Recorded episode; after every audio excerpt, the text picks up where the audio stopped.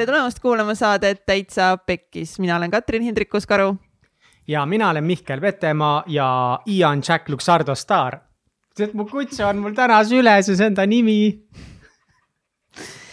ja meie Täitsa Pekkis saates me räägime erinevate põnevate, ägedate, edukate inimestega nende eludest ja asjadest, mis lähevad pekki, miks nad pekki lähevad, kuidas nad pekki lähevad ja siis kuidas sellest kõigest ka võitjana välja tulla kas te kuulete, kuidas mu koer hingeldab teile kõrva ning lisaks, lisaks sellele, et mu koer hingeldab teile kõrva, on meil täna saates imeline härrasmees, kellest võib-olla te paljud pole midagi kuulnud, aga peaksite kuulnud olema, sest see mees on Andri, Andri Peetso uh,. Mjau uh,. Andriga oli ähm, väga teaduslik sest me oleme Katsiga, noh, mina olen doktor, Kats on eh, kahekordne magister ja rahvusvaheline õigus. et meil oli väga mina, mina olengi terve rahvusvaheline õigus. sa oled kogu rahvusvaheline õigus. absoluutselt, jah. sest meil nii teaduslik oli, nii tiip oli. oli küll, jaa uh.. kes on Andri? Andri. alustame sellelt. Andri, on äh, noor ettevõtja, ta on, aga ta on väga pikalt siis tegutsenud videoproduktsioonis ja turunduses aga võib-olla tema elu üks suurimaid keerkäike, äh, väljakutseid ei olnud üldse tema karjääriga, vaid äh, kahekümne nelja aastaselt ta sai teada, et tal on skleroosis multiplex. ja see on äh, autoimmuunhaigus ja võib lõppeda väga-väga-väga halvasti inimesele. aga pärast seda tema võttis otsuse ja oma südameasjaks hakata tegelema tervisliku eluviisiga, toitumise, liikumise ja mõtlemisega ning ta muutis täielikult oma elu unisest, unisest, uimasest, ähm, väga depressiivsest noormehest sai tõeliselt elujõuline, vitaalne, energiline, teadlik, äge noormees uh,. Andri mm., jah mm., ja siis ta tegi teadliku otsuse loobuda tavapärasest eh, ravist ja ja hakkas hoopis äh, iseennast ravima siis äh, muude lähenemistega. nii et see oli väga põnev saade ja me rääkisime jah, igast erinevatest teaduslikest lähenemistest toitumisele ja üldse tervisele ja veest rääkisime uh see oli ülivinge kuulamine, et show notes saab olema kõige pikem seekord, sest ma ise kirjutasin saate ajal neid raamatuid järjest üles, mis ta ja. soovitas.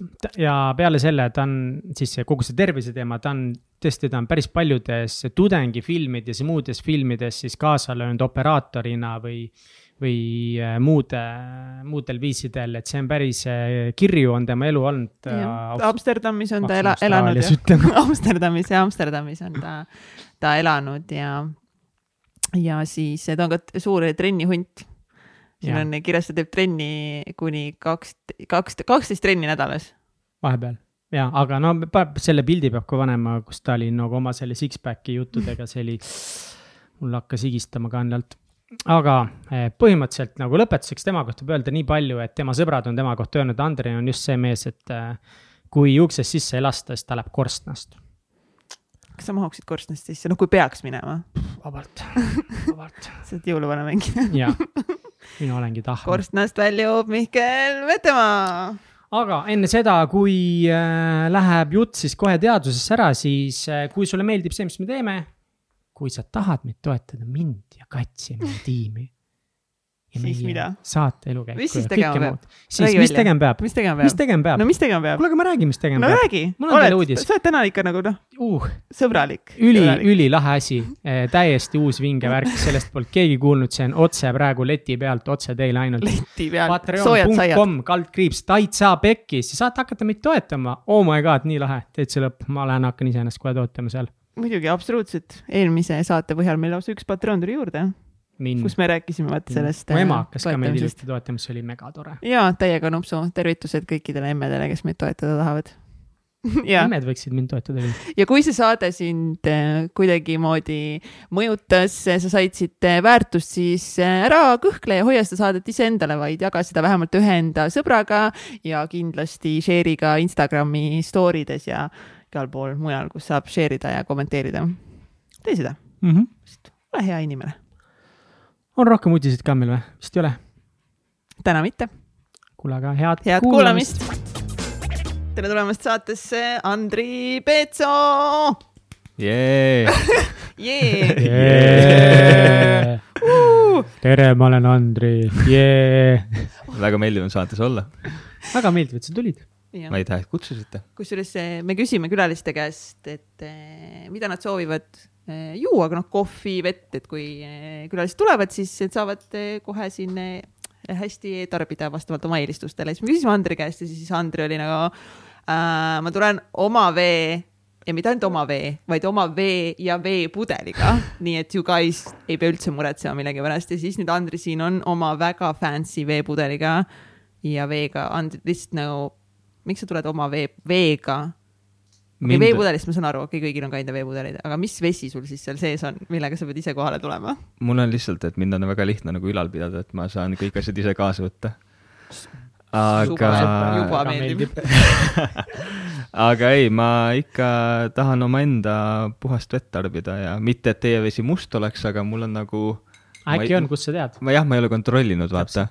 et äh, mul on äh, endal lihtsam nüüd elada, kui ma tean, kust kõik mu asjad pärinevad. Ja Okei. siis on minu enda puhastatud vesi ja siis on, saan selles kindel olla ja siis on hea olla. sinu enda puhastatud vesi, okei okay,, kust see vesi, kas sa võtad kraaniveed, mis sa siis puhastad või see tuleb veel mingi vesi kuskilt, mida sa puhastad ja siis on see sinu vesi või? see võiks olla veel kuskilt, käin niimoodi ämbriga allikast korjamas iga hommikul, vaata, aga ei, see on võetud kraanivesi ja lasin pöördusmoosi filtrist läbi. mis see tähendab ja miks, miks sa lased äh, kraanivett filtrist läbi?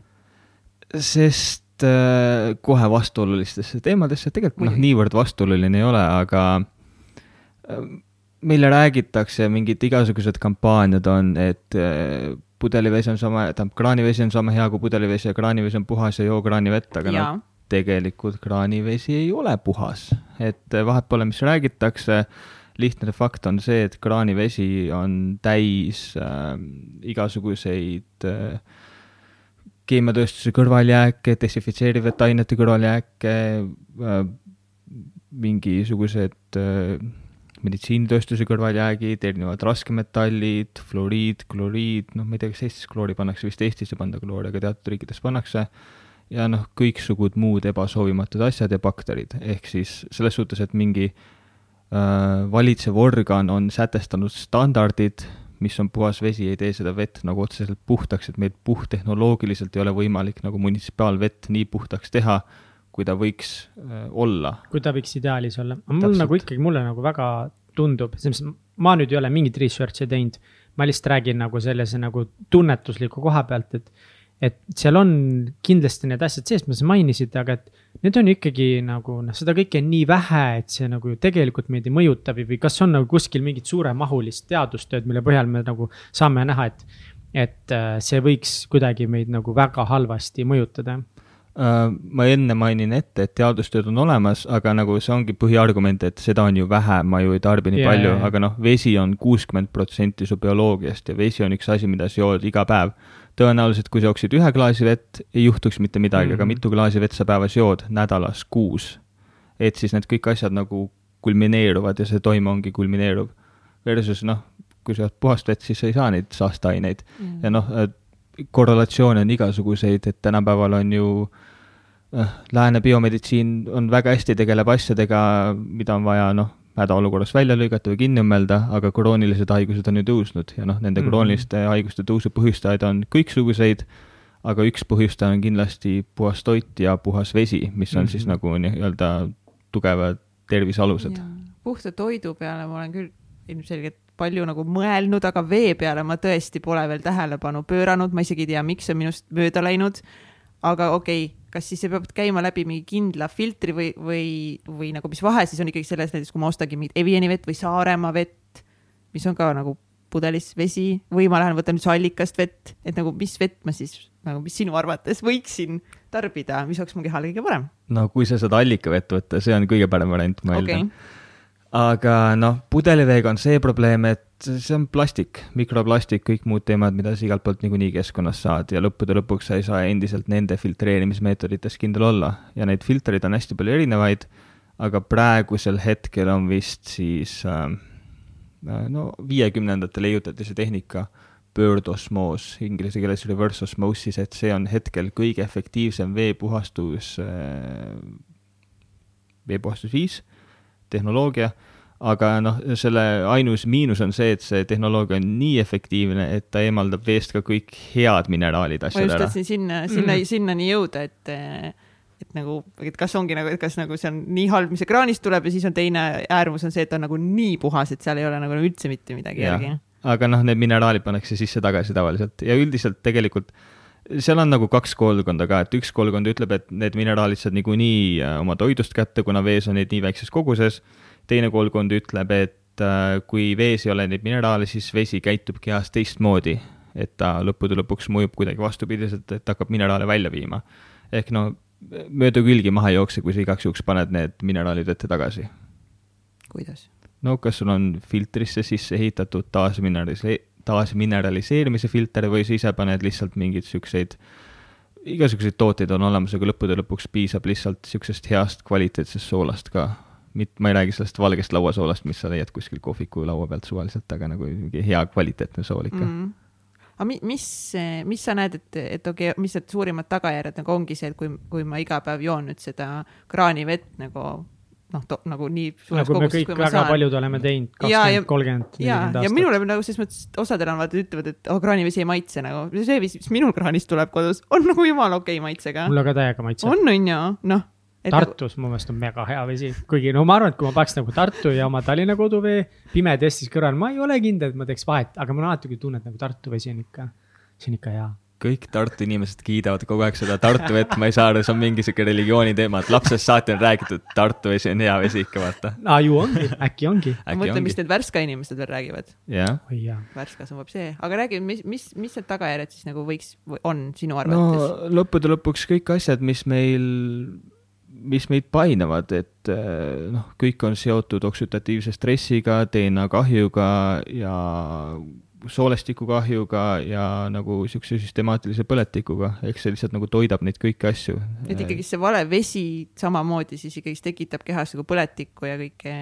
jah, kui su keha peab pidevalt võitlema saasteainetega, mida sa nagu igapäevaselt sisse jood, siis ta kahjustab noh, ilmselgelt ta kahjustab sind süstemaatiliselt. veel üks asi, mille peale tuleb hakata oma tähelepanu pöörama lisaks toidule, mis on niigi mega suur struggle kogu aeg, lihtsalt see toitumine, toitumine, toitumine nii ei saa hakkama sellega, nüüd on mm -hmm. veel mhm. vesi ka, super, thanks Andri nagu no problem, aga, aga, aga see on, see on lihtne muutus, see on, see on lihtne muutus. see on lihtne muutus. ei, aga kuidas see lihtne on, ütle mulle, kuidas, kuidas ma teen selle enda jaoks lihtsaks? paigaldad filtri koju, jood puhast vett, tehtud. paigaldan filtri koju, kuhu kohta? no selles suhtes, et on olemas nagu pöör-, noh, pöördosmoosi tehnoloogial on olemas filtreid kahte tüüpi, et siiamaani olid kogu aeg nagu laua alla pandavad filtrid, niisugused suured paagid ja süsteemid lähevad laua alla, ja aga siis nende miinus on see, et neid peab mingi iga poole aasta tagant professionaalselt puhastama, mida nagu enamus inimesed, kellel need on, ei tee ja siis sinna hakkab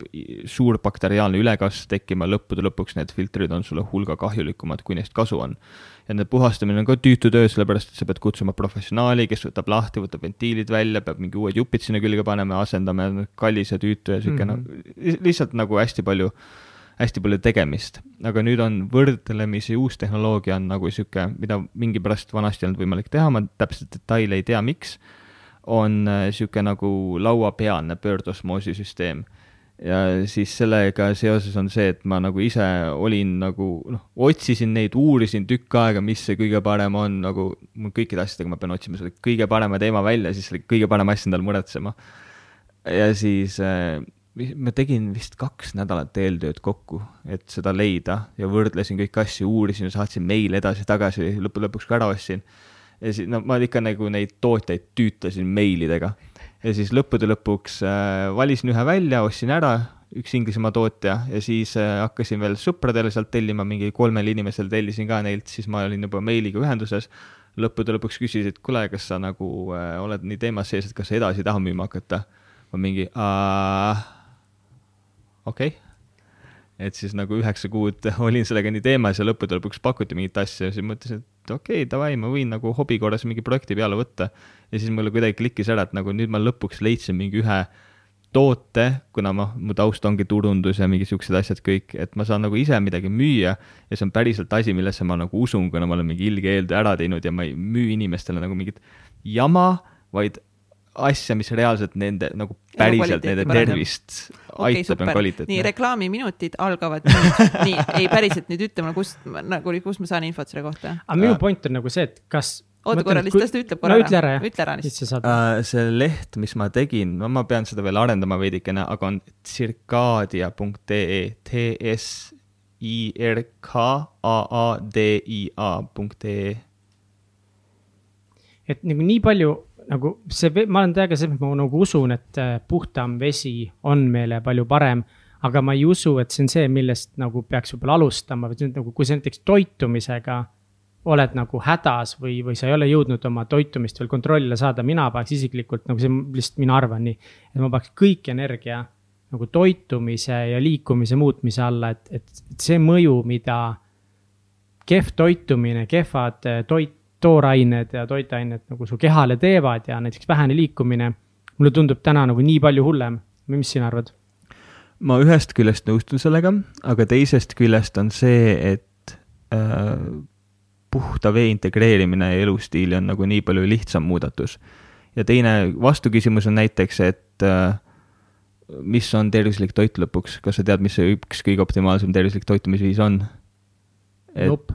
see, see ongi sihuke hästi suur nagu noh, inglise keele väljend rabbit hole, kus sa lihtsalt mm -hmm. lähed sisse ja hakkad õppima ja see on nagu sihuke aastakümnete pikkune tegevus, et endale lõpuks omaenda nutrigenoomikaga, kõikide muude asjade geneetikaga, verenäitajatega. kas see on närvi ka nagu... sind ajanud või? et selles mõttes, et sa oled mees, kes teeb hästi palju eeltööd, sa väga palju uurid, õpid, loed, vaatavad erinevaid artikleid.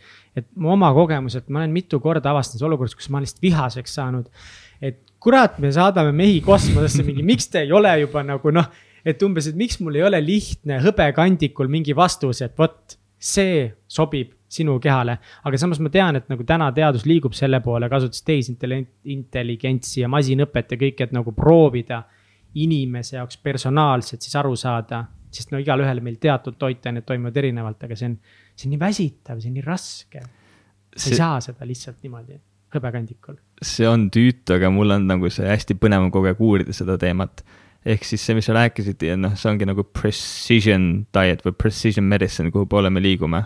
mitte personalized, sest personalized ei ole mm. nagu isikustatud, ei ole nagu nii isiklik, kui võiks olla, aga see nagu see precision on see uus märksõna seal okay.. ja to, aga toiduteadus kui selline on nagu nii noor haru, et me nagu veel täpselt ei tea selle kohta asju, aga nagu kõige parem asi, millest lähtuda äh, minu arvates on kirja pannud Michael Pollan kes on tegelikult ajakirjanik, kes on ka hästi palju põnevaid asju teinud ja tal on, äh, ta kirjutas kolm raamatuseeriat, kolm raamatut järjest toitumisest, kirjutas ühe hästi suure, laia, keerulise.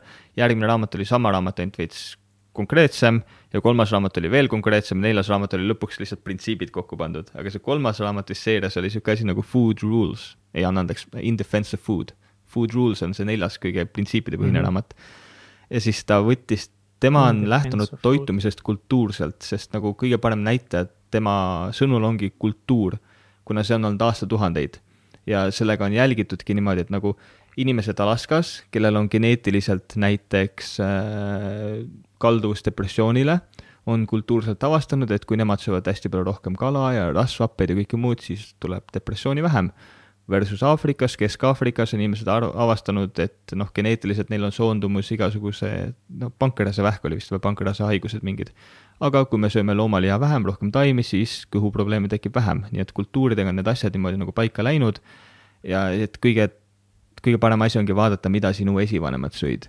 Ja siis tema nagu võtab terve tervisliku toitumise kokku haikuga, et eat food, not too much, mostly plants eat food, söö toitu, päris toitu, toitu, mis sinu vanavanaema teab, et on ka toit, mitte mingi suvaline, mina ei tea, mingi jogurtibatoon mm -hmm. teema asi, mis ta vaatab, et kuhu see käib nagu. kus on hästi palju koostisaine täpselt. teine asi, nojah, täpselt, ta räägib ka seda, et kui viis rohkem koostisainet, siis ära osta. Äh, teine asi, not too much, noh, kultuurides läbi ajaloo on olnud kogu aeg see, et, et söö kaks kolmandikku või jäta ruumi jumalale või jäta ruumi sõbrale või anna mingi osa sõbrale või no Eesti vanades sõnades oli ka, et nagu mingi üks osa anna sõbrale või õhtusöök anna sõbrale, mingisugused asjad. noh, et üldiselt ida poolt on tulnud kogu aeg see, et nagu kõhtu ei sööda täiesti täis mm. -hmm. ja mostly plants on see, mis saab nii veganid kui ka lihasööjad, karnivoorid mõlemad närvi, et nagu mis mõttes aga järelikult on õige, kuna see on kuskil seal vahepeal ma olen nõus, et, et mõned asjad nagu, et see on tohutult keeruline ja see tundub hullult huvitav raamat, ma ausõna, ma kindlalt loen seda, väga tore, et sa praegu selle, selle välja tõid. kohta on hea dokumentaalfilm ka, mis võtab kõik ilusti kokku. ma tahan raamatut lugeda, aga, aga, aga mis sama nimega. mis on film ah.? mis, mis nimega? In defense of food, an eater's manifesto. et ma arvan, et nagu väga paljud mõnes mõttes, millest me alustada saame, on ka nagu see, et noh kui sa ikkagi sööd nagu rämpstoitu, seda on suhteliselt lihtne kategoriseerida, lihtne tuvastada, tõmba see välja, kui sa sööd iga päev noh, ma ei tea, kaks korda toidu kõrvale ja kolm korda liha, on ju.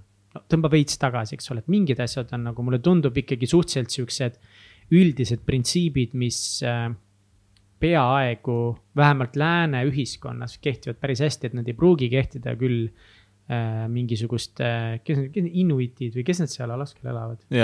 et nende kohta võib-olla ei kehti, aga siukse keskmise Lääne-Euroopa inimese kohta kesti, kehtivad reeglina suht ühtemoodi vist igal pool ma väga nõustun sellega, et selles suhtes, et neid tervislikumaid muudatusi on väga lihtne teha, aga kui siis, kui sa hakkad optimeerima väga sügavale mm -hmm. minna äh,, tahad minna selle kõigega, siis läheb niisuguseks nagu suht keeruliseks ära seal on nagu nii palju koolkondi, aga lõppude lõpuks vahet pole nagu, ma olen üldiselt terviseasjadega nagu nii palju neid uurinud, nii sügavale läinud ja nüüd ma olen juba seisukohal, et vahet pole, kas mingi asi on teaduslikult tõestatud või mida väidab teadus, mida väidavad teised asjad, kui see toimib sulle, siis see toimib põhjusega, see lihtsalt toimib, sa tunned enesetundest. aga noh, tihtipeale kasutatakse sedasama väljendit nagu vabandusena, et ma, no ma tunnen ennast hästi, kui ma iga päev Maci purksi panen. no see on sihuke noh, väga hästi saad keerata seda, et mulle toimib see, aga noh, siis vaidleks juba endale vastu. mul on praegu kõik korras, noh, sest ma praegu toitun ja. nii aga täpselt, mis on see tulemus viiekümne või kahekümne aasta yeah. pärast, kui sa oled toitunudki Maci purksidest või noh, või noh, okei okay,, purks on nagu võib-olla liiga hull näide, aga lihtsalt sööd juba viinereid, ainult kartuleid yeah., kastmeid, valmis kastmeid, suhkrut, kõike seda, et see ei pruugigi sul kohe vaata välja, noh, välja lüüa mm, -hmm. et see tulemus tuleb hiljem. see ongi see nagu. ja tohutu suhkru tarbimine. Versus see, et sa ei ole ennast kunagi paremini tundnud. et mm. sa ei tea, mismoodi on, kui päriselt hästi ennast tunned. kuule, see on mega hea point. I love that mm. -hmm. jaa mm. -hmm, et sa arvad, et sa tunned ennast hästi. mõtle, kui saaks palju paremini tunda, kui sa täna tunned, kui tegelikult see, mm. mida me täna tunneme, on nagu tegelikult meie nagu potentsiaali juures mingi noh, suht sitt mõtle, kui tegelikult oleks mm. mega palju parem võimalik tunda, ma ei kujuta üldse ette seda. aga see on nüüd natukene esoteerilistemasse domeenidesse minnes ongi äh, mainitud ka, et nagu mingi, ma ei mäleta, mis podcast'i ma täpselt kuulasin, aga ongi äh, inimesed on rääkinud, kes on läinud kuskile vihmametsadesse elama äh, hõimudega, kes on täiesti nagu maailmast eraldatud ja kuidas nad ennast tundsid pärast mingi aasta, kaks aastat nendega koos elamisega, kuidas nende mingid siuksed teatud nagu tunnetuse võimed, kõik spektrumid, asjad laienesid. ja noh, isegi kui oled nagu Sapien, tähendab Harari Sapiensi lugenud, siis seal mainis ka, et tegelikult inimesed olid pidevalt mingid siuksed ekstra välja arenenud meeled, mida meil lihtsalt nagu enam ei ole, kuna neil ei ole kasutust leitud. a la, et minu arust Harari tõi äh, oma raamatus näite, et äh, me suutsime tunnetada teise inimese lõhnast äh, tema kavatsusi, kuna meil lõhnameel oli nii.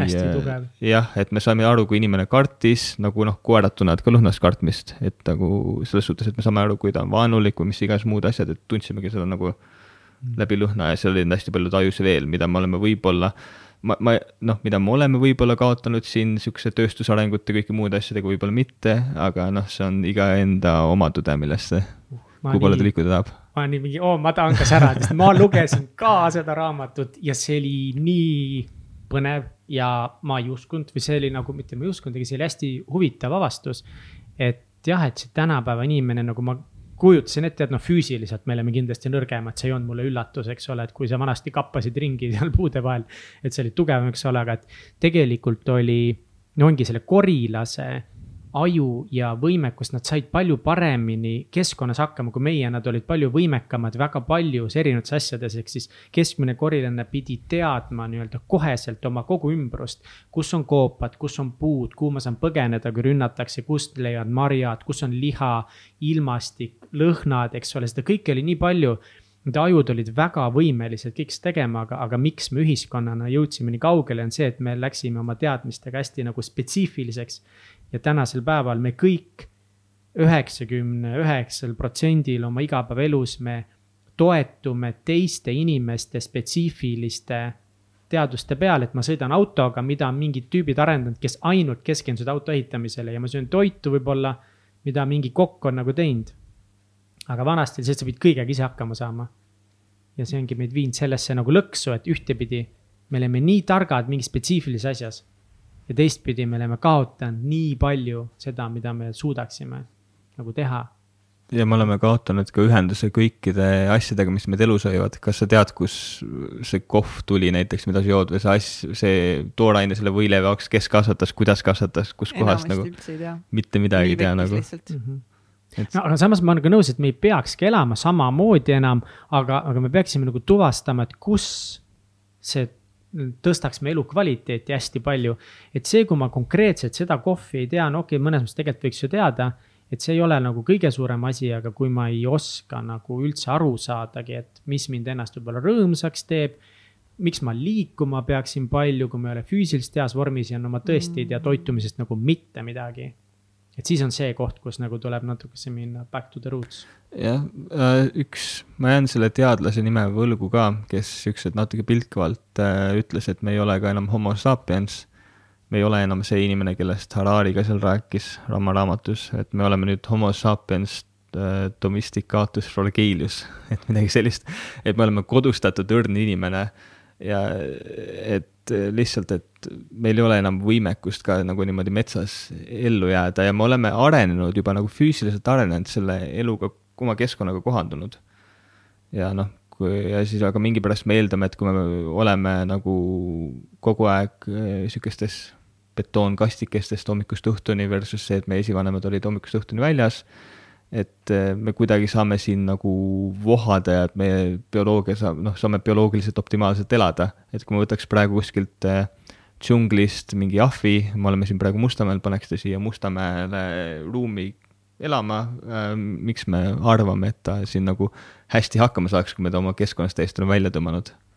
Et noh, see, mis sa mainisid, et nagu kuidagi optimaalsemalt otsida neid asju, kuidas nagu äh, neid asju tagasi ühendada, siis äh, seesama teadlane, kes pani selle, ma lihtsalt jään selle nime võlgu praegu, aga kes pani selle homo sapiens domesticatus fragilus äh, argumendi nimetuse, et tema siis mainis ka, et tegelikult keskkonnadisain võiks olla, võiks imiteerida seda, mis on nagu kust meie juured tulevad, et inimene on ka siiski nagu osa loodusest, me oleme ka siiski loodus ja siis imiteerida endale nagu niisugust looduslikumat keskkonda, et saaksime vohada ja toimiksime, funktsioneeriksime paremini seal sees. ja kes äh, tahavad just sellest ähm, korilase elust ja muutusest tänapäeva lugeda, siis see Sapiens, see on eesti keelde ka tõlgitud juba. tõesti hästi, see on küllaltki nagu mõnes kohas raske, aga üldiselt siiski lihtne lugemine, et see ongi kirjutatud, et nii-öelda noh tavainimene aru saaks ja kui mina sain sellest aru, saate te kõik aru, et see oli hästi põnev. ja mõned, noh, tõesti nii haigelt põnev raamat.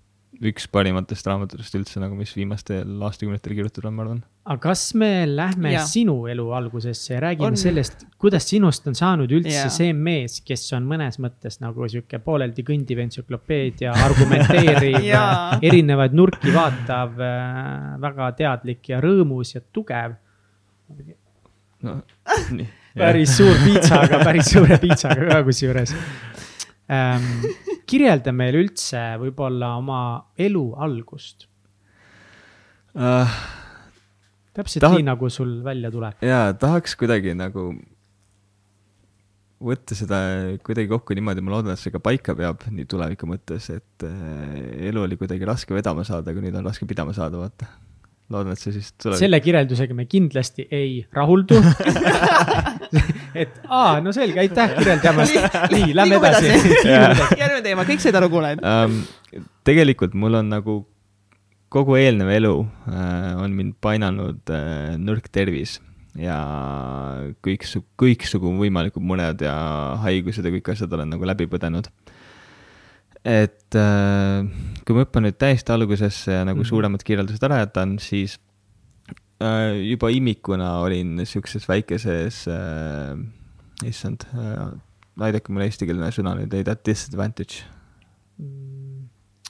Mitte eelis, aga mis on eelise vastand? Ebaeelis- eba, ei ole ebaeelis, no igatahes see vastandsõna, mis on eelise vastandsõna, et, et edu miinus nii-öelda et väike, väike edu miinus oli. halb sellest tõlkimises juba. et, et kui ma olin, noh, tulin, tulin siia maailma väikese sünnitraumaga, mistõttu pidin.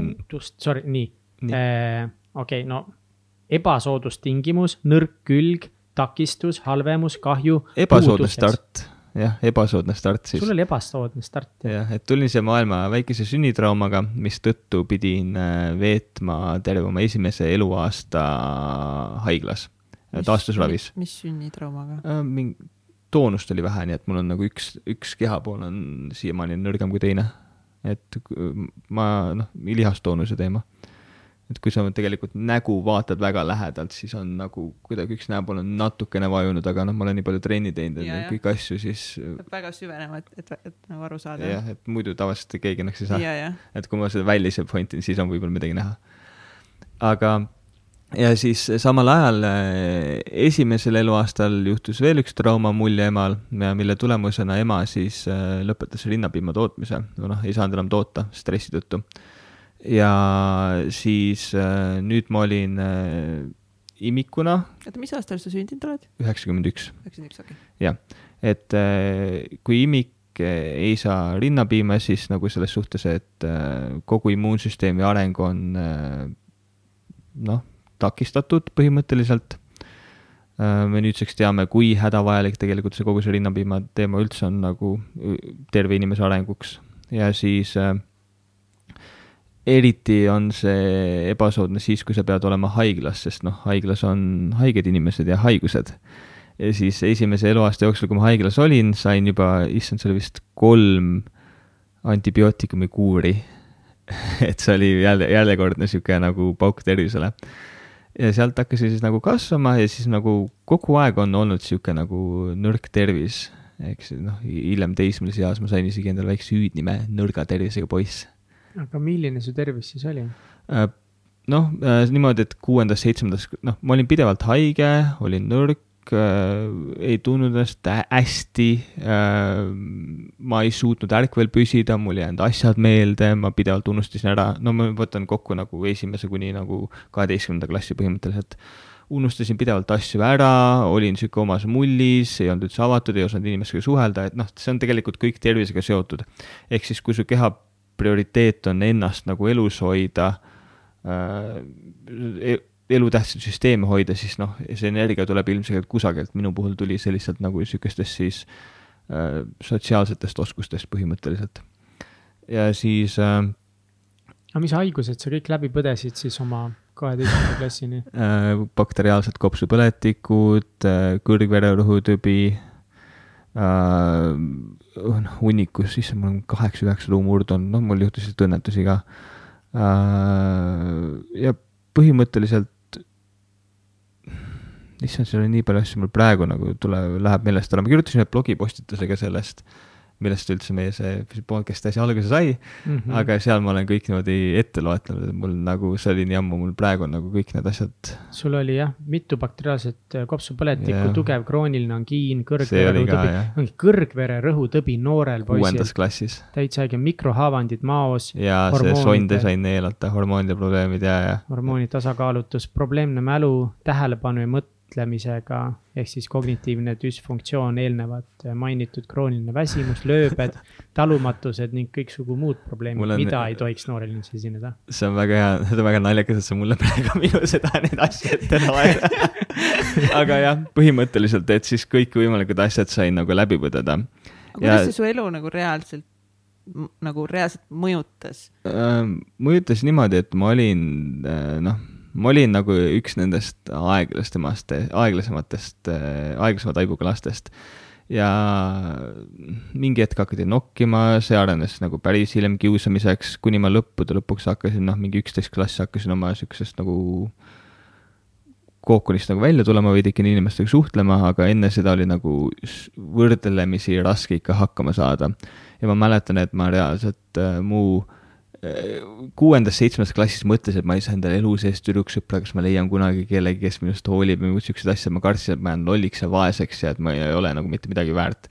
et nüüd tagasi vaadates ma saan aru, et ma olin tegelikult juba nagu sellises vanuses olin noh, ma ei oska seda magnituudi sinna panna, aga olin ikka nagu depressioonis. ehk siis sellest kuidagi nagu väljakasvamine on olnud võrdlemisi pikk teekond, aga lihtsalt, et ma mäletangi, et ma olin iga päev kurb mulle ei meeldinud üldse mitte midagi teha, mul ei olnud mitte mingit motivatsiooni, ma ei tahtnud mitte midagi teha. ja ma arvasin reaalselt, et nii ongi normaalne, et kõik inimesed tunnevad ennast niimoodi, nii peabki olema, kuna ma ei olnud kunagi mitte midagi teistmoodi nagu tundnud.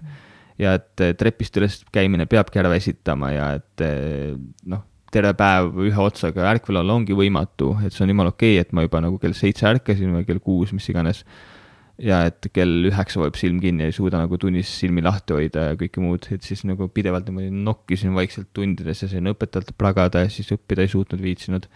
no noh, õnneks oma väga kannatliku ja hea ema toele nagu sain õppimisasjadega hakkama, ma mäletan, et ikka pidi nagu tulema istuma õhtul minu kõrvale ja ütlema, et nüüd võtame kooliasjad ette ja nagu vahepeal kurat ära ei läinud, enne kui ma olin kõik asjad nagu ära teinud, nagu aitas nendest asjadest läbi et, et, et niimoodi kuidagi sai. kuidas siis... su ema nimi on, kui sa oled seal? Anneli. Shout out to Anneli, hea töö. Anneli tegi väga head tööd. tegi küll väga head tööd, jah.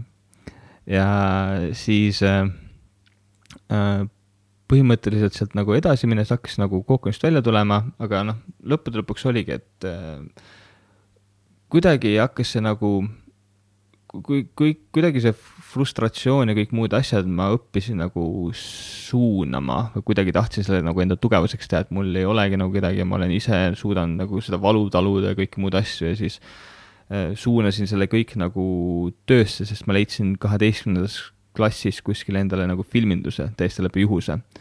ja siis äh, ma võtsin eesmärgiks, et ma pean olema siin parim ja siis ma nagu kõvasti nagu noh, nii-öelda hea, endale hea eesmärgi nimel nagu põletasin elu selle mõttega, et nagu saada filminduses reaalselt parimaks.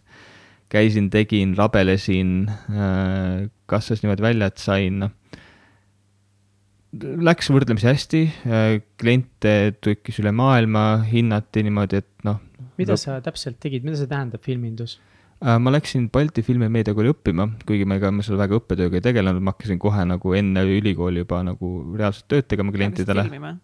jah, nagu reklaamvideos asju. ja nagu kuidagi kaamera, nagu, nagu operaator või uh,? no ma käisin operaatori, režissööri, kõikide asjade vahel, aga lõppude lõpuks ma nagu tänapäeval ka, et ma minu arust on saanud nagu see ühe mehe bänd, et ma suudan üksi teha produktsiooni nagu algusest lõpuni ära, ilma et nagu noh, kui muidugi ma kasutan meeskonda, aga nagu oskused lubavad nagu üksi otsast lõpuni teha.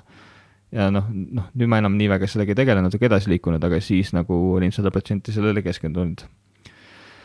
ja sealt siis äh, läks hästi, kliente tekkis üle maailma, reisisin ringi hästi palju, kogu aeg arenesin, tulin, noh, õppisin inimestega lõpuks suhtlema oh., inimesena arenesin, noh, niimoodi oli, et nagu äh, noh, Aasia pool, äh, New York, LA nagu kõik igal pool lendati ringi, väga põnev oli. ja siis, siis ma elasin äh, kaks tuhat neliteist, kolisin Amsterdami elama ja siis ma mäletan, kaks tuhat viisteist detsembris tuli sihuke suur pauk äh, ära, et mul diagnoositi sihuke nõdrestav autoimmuunne haigus, hulgiskleroos või skleroosis multiplex ja see on siis selline, kes ei tea, et see on selline autoimmuunne haigus, et mu keha nagu ründab ise omaenda närvirakke ja hävitab närvirakkude ümbert müeliini ehk seda kaitsvat kihti. Ja selle tulemusena siis närvirakud äh, hakkavad nagu valesti toimima ja siis sümptomid võivad olla nagu ükskõik mis, et teoorias võiks sina ärgata homme üles olla pime või ei wow. oska kõndida või ei tunne lõhna või ei tunne maitset või mida iganes ja see võib kesta päevad, kaks päeva, kolm päeva, võib tagasi tulla, ei pruugi tagasi tulla, mis iganes, nagu lõppude lõpuks keegi täpselt ei tea, kuidas see haigus toimub, nii-öelda. ja siis nagu sellele ei ole ravi olemas ja kui see haigus diagnoositakse, siis pannakse inimesed immuunosupressantide peale, nii kaua peetakse haigushoogi kinni, kuni neid kinni pidada saab, kuni taustal haigusolu halveneb ja enam midagi teha ei anna ja siis noh, üldiselt ongi inimesed äh, lihtsalt ratastoolides ja kõike muud.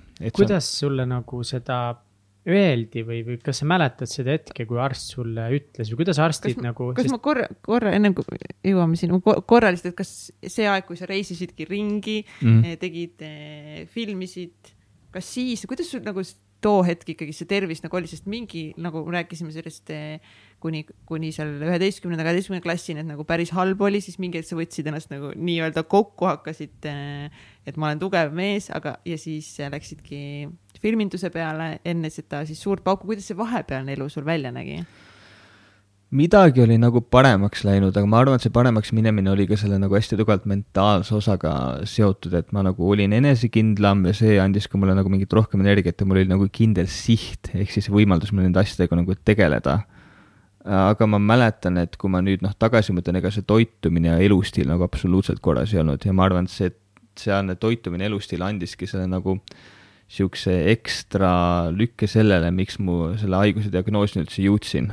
Et ma arvan, et sellega ma tegin endale niisuguse noh, nii-öelda mõnes mõttes karuteene ka tervisele vähemalt mm.. aga kas see kuidagi takistas sind ka või kas sa tundsid, et sa oled väsinud siis rohkem, kui sa pididki, no sest noh, fil-, filmivõtetel või üldse nagu reklaame tehes, nagu sa oled lihtsalt kogu aeg nagu paned hullu hommikust õhtuni, sa oled täiesti nagu noh.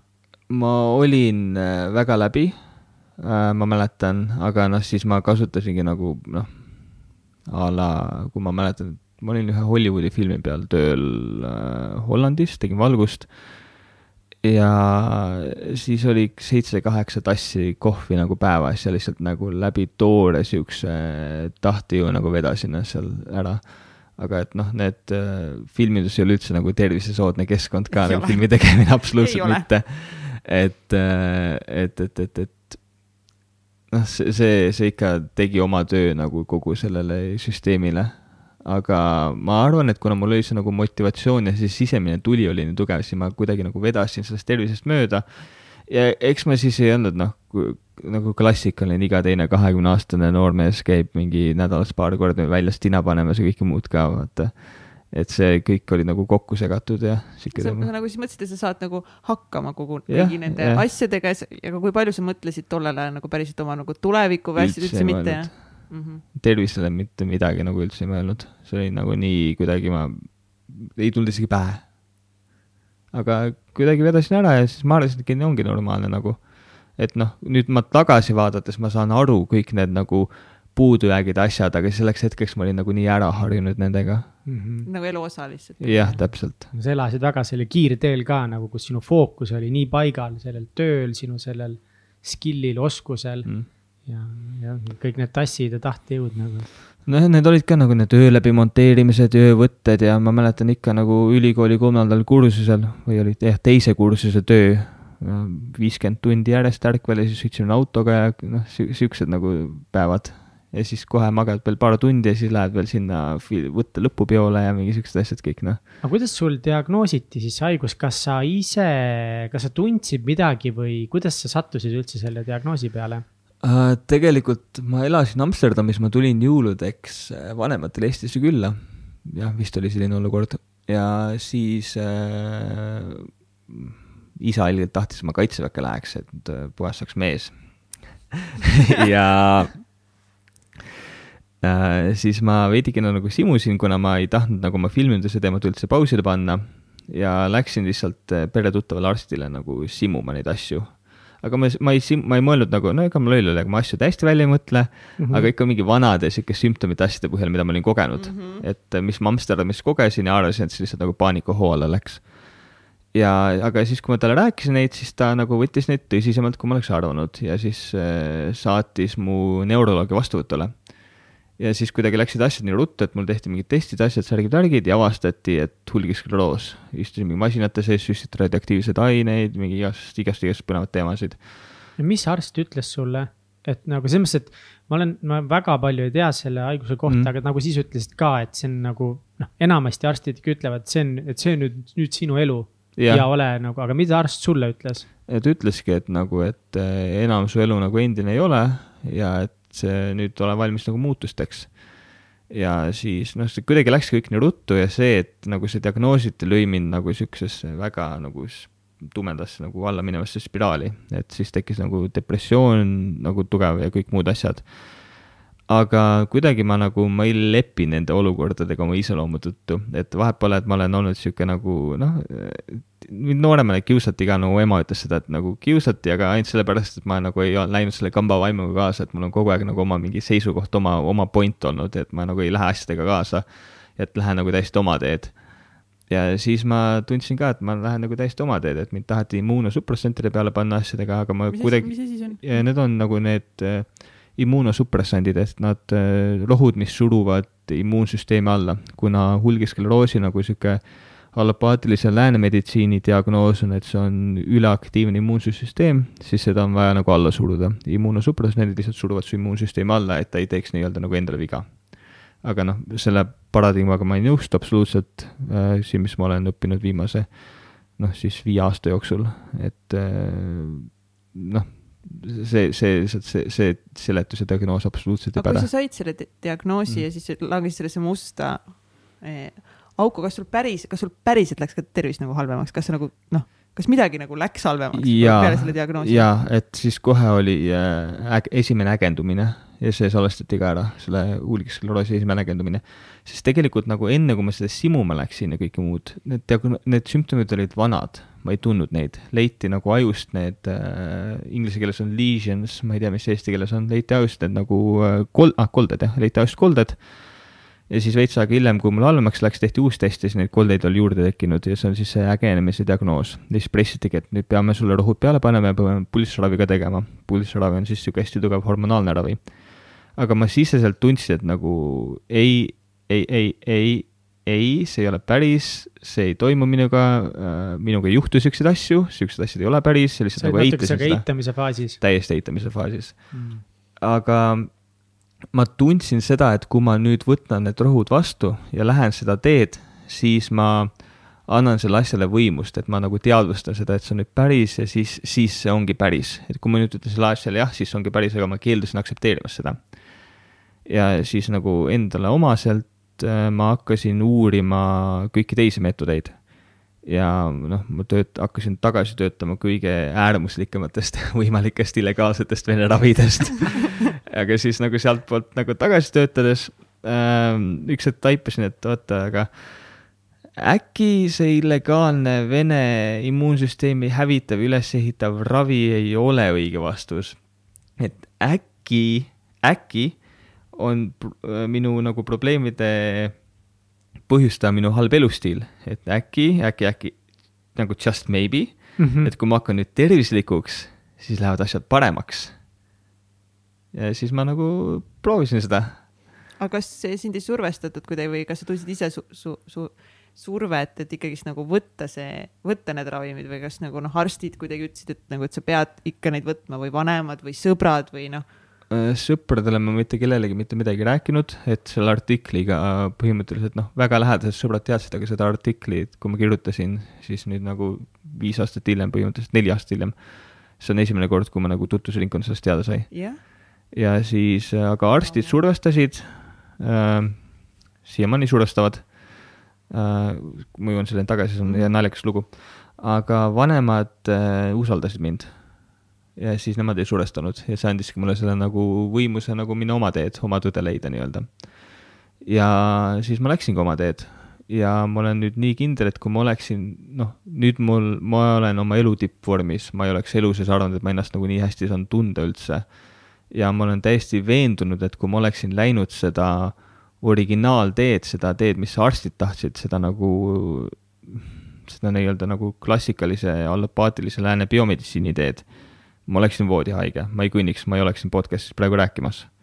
ja see, et ma läksin nagu oma teed, see võimaldas mul kasvada selliseks inimeseks, nagu ma nüüd olen ja ma olen ja noh, mingil määral ma võl-, võlgnen sellele haigusele, sellele diagnoosile, kõik selle, et ju siis see pauk pidi tulema ja ma olen tegelikult õnnelik, et see tuli.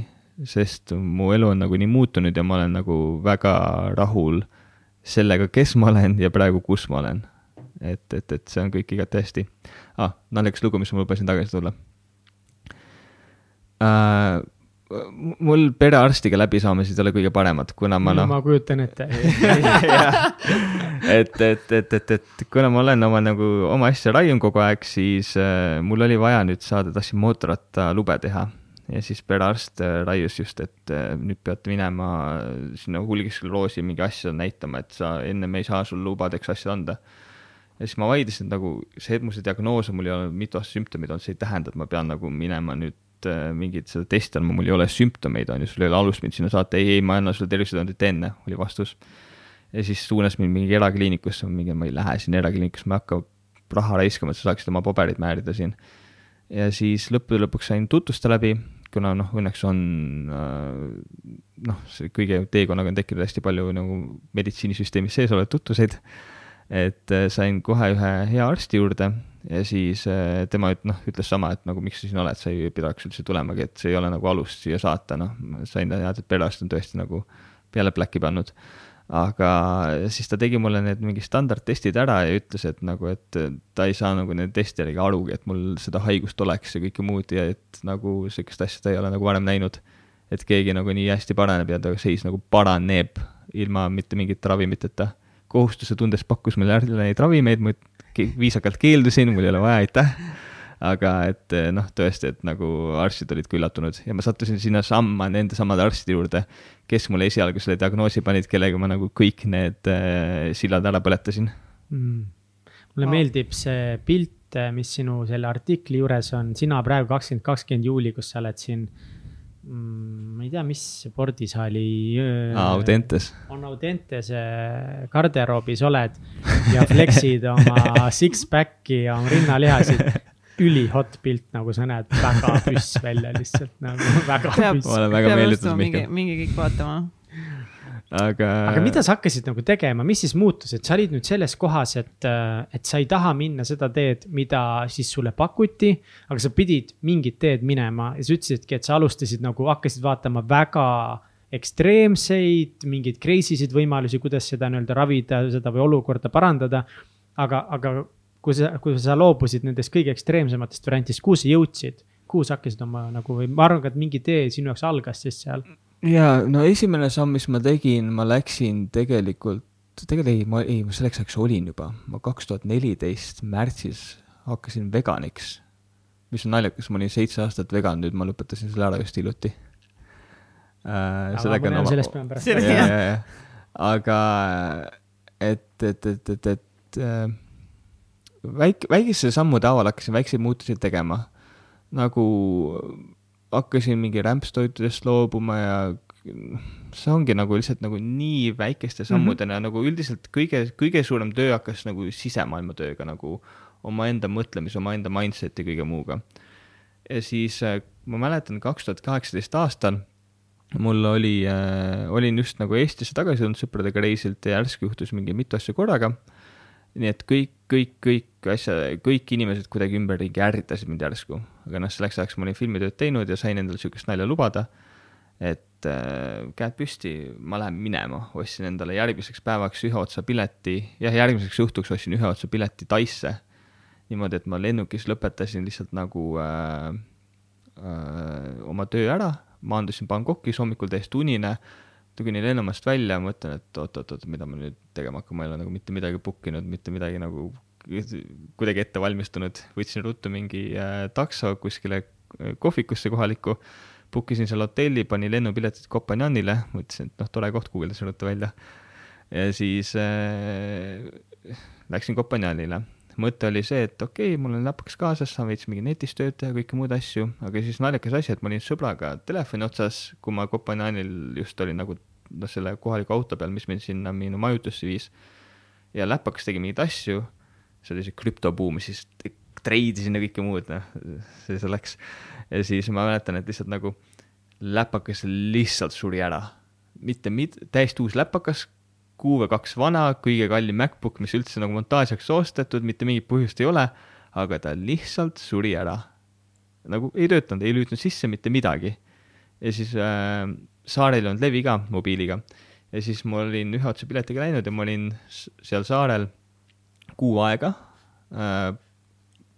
Polnud üht, üks raamat oli, äh, läpakat, mobiili, mitte midagi kasutada ei saa äh,. mis ma nüüd tegema hakkan ja siis ma avastasin enda jaoks kuidagi podcast'id ja siis ma hakkasin kuulama neid seal lihtsalt nagu iga päev ja nagu olingi täiesti üksi seal. ja siis ma sattusin, ma mäletan esimene podcast, esimene podcast üldse, mida ma kuulasin niimoodi, oli äh, London Realis intervjuu Bruce Liptoniga, kes rääkis äh, biology of belief'ist nagu uskumuse bioloogiast, mis põhimõtteliselt äh, Bruce Lipton on siis nii-öelda nagu epigeneetika isa ja rääkis epigeneetikast. Kes ei tea, siis epigeneetika on noh, kui me oleme klassikaliselt on kogu aeg õpetatud, et geenid on see, mis defineerivad sind et sina oled oma geenid ori, sul on need geenid, siis sa niisugune inimene oled, noh nüüdseks me teame, et tegelikult, et keskkond dikteerib geene. ehk siis eh, ja noh, mis loob, mis loob su kehas keskkonda, on su oma mõtted, sinu aju on keemik, kõik emotsioonid, mis sa tunned.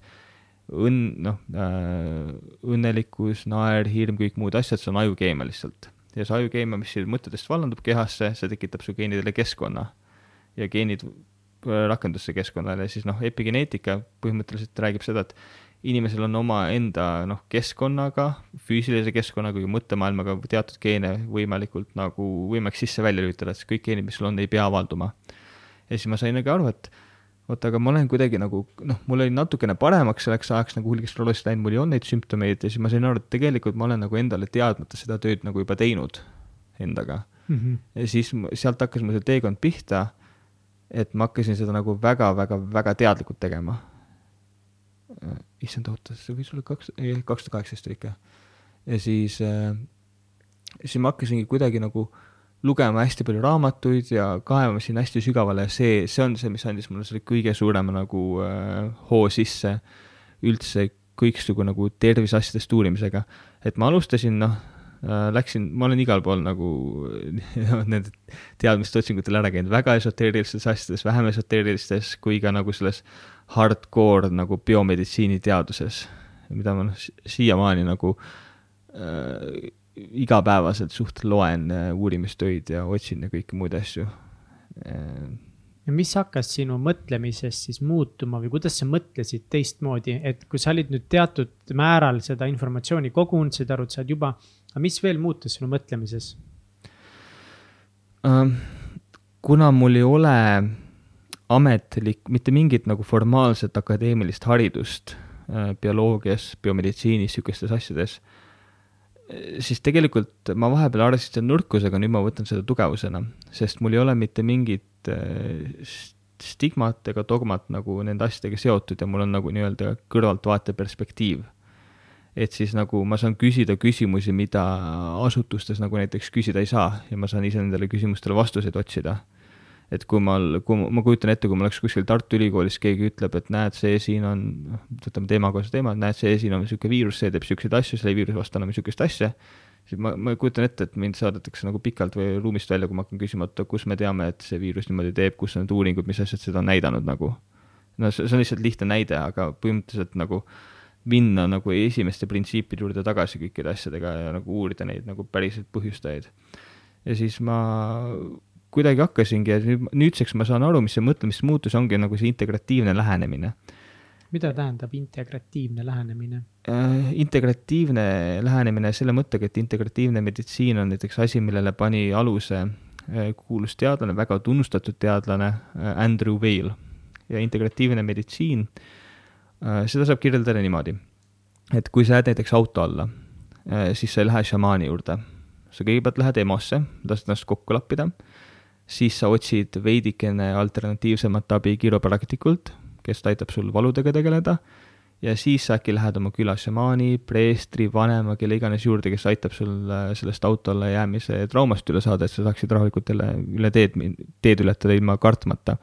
ehk integratiivne meditsiin on Äh, nii-öelda väikese riski, aga potentsiaalselt kõrge kasuteguritega praktikate integreerimine raviplaani ja see on isiksustatud vastavalt inimese oma uskumustele ja nii-öelda sotsioökonoomsele taustale. ehk siis, siis äh, põhimõtteliselt, kui seda kokku võtta, nagu see, et et kui sa jääd sinna auto alla, siis sa ei proovi EMO-s ennast kokku lappida, samamoodi lahendada oma siis põlve kehv liikumine ära ja ka emotsionaalne trauma. jah, et just lapid ennast temast kokku, et sa tegeledki kõigega korraga. ja aga, aga iga asjaga, milleks tegeled, sa otsid selle jaoks siis selle õige äh, meetodi. jah, täpselt, et selles suhtes, et sa nagu noh, see ei ole nagu see, et sa ise pead minema tegema seda, tegelikult on integratiivseid praktiseerijaid väga palju olemas, kahjuks meil Eestis on üks-kaks inimest ainult, kellest mina tean, üks, kellega mina olen ise koos töötanud, tõesti minu arust ainus nagu sihuke hea mõtlev arst, kellega mul on olnud äh, sihukest meel-, meeldiv kokku puutuda.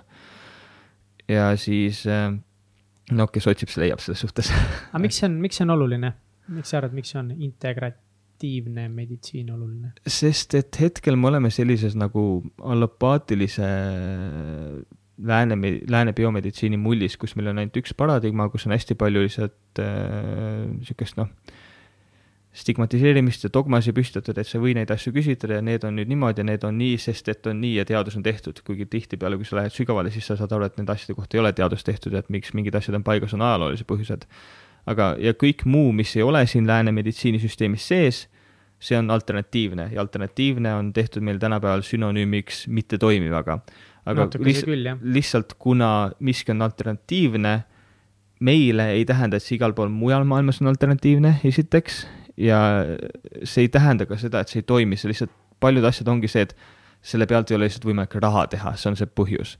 sest et miks sa lähed Äh, miks sa hakkad üldse mingit sihukest looduslikku asja või sihukest lihtsaid käitumisharjumusi, näiteks hingamine või mingi siuksed asjad nagu äh, tõestama äh, nende kasutegurit, kasulikkust, kui sa ei saa seda patenteerida, sa ei saa selle pealt mm raha teenida, sest sa, mingite asjade väljatöötamine, rohtude väljatöötamine maksub kümneid kuni sadu miljoneid jah, teadustöö on väga ja, keeruline. ja see, see ei ole, see ja, ei ole investeeringu tagavas, mitte ükski investeering, investe-, investor ei pane raha sinna sisse, sest ta ei saa oma raha tagasi.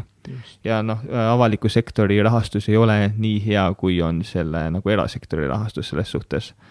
et eh, sealt lihtsalt tulebki see tõde, et nagu paljusid asju lihtsalt ei ole mõtet eh, ära tõestada ja neid mitte kunagi ei tõestatagi arvatavasti ära ja pigem jah, ongi, et paljusid asju lihtsalt ei ole raha, et ära tõestada mm. -hmm. sest see ei too raha ja kui Täpselt. Mhm. ja ikkagi tänapäeval suures osas, nagu sa ütlesid, täpselt nagu jällegi see samamoodi Sapiensi raamat rääkis ka väga hästi sellest. just sellest nagu, miks see niimoodi on ja kuidas see, kuidas see nagu läinud on ja tõesti mõnes mõttes loogiline, et nagu enamus raha tuleb ikkagi ärimeestelt.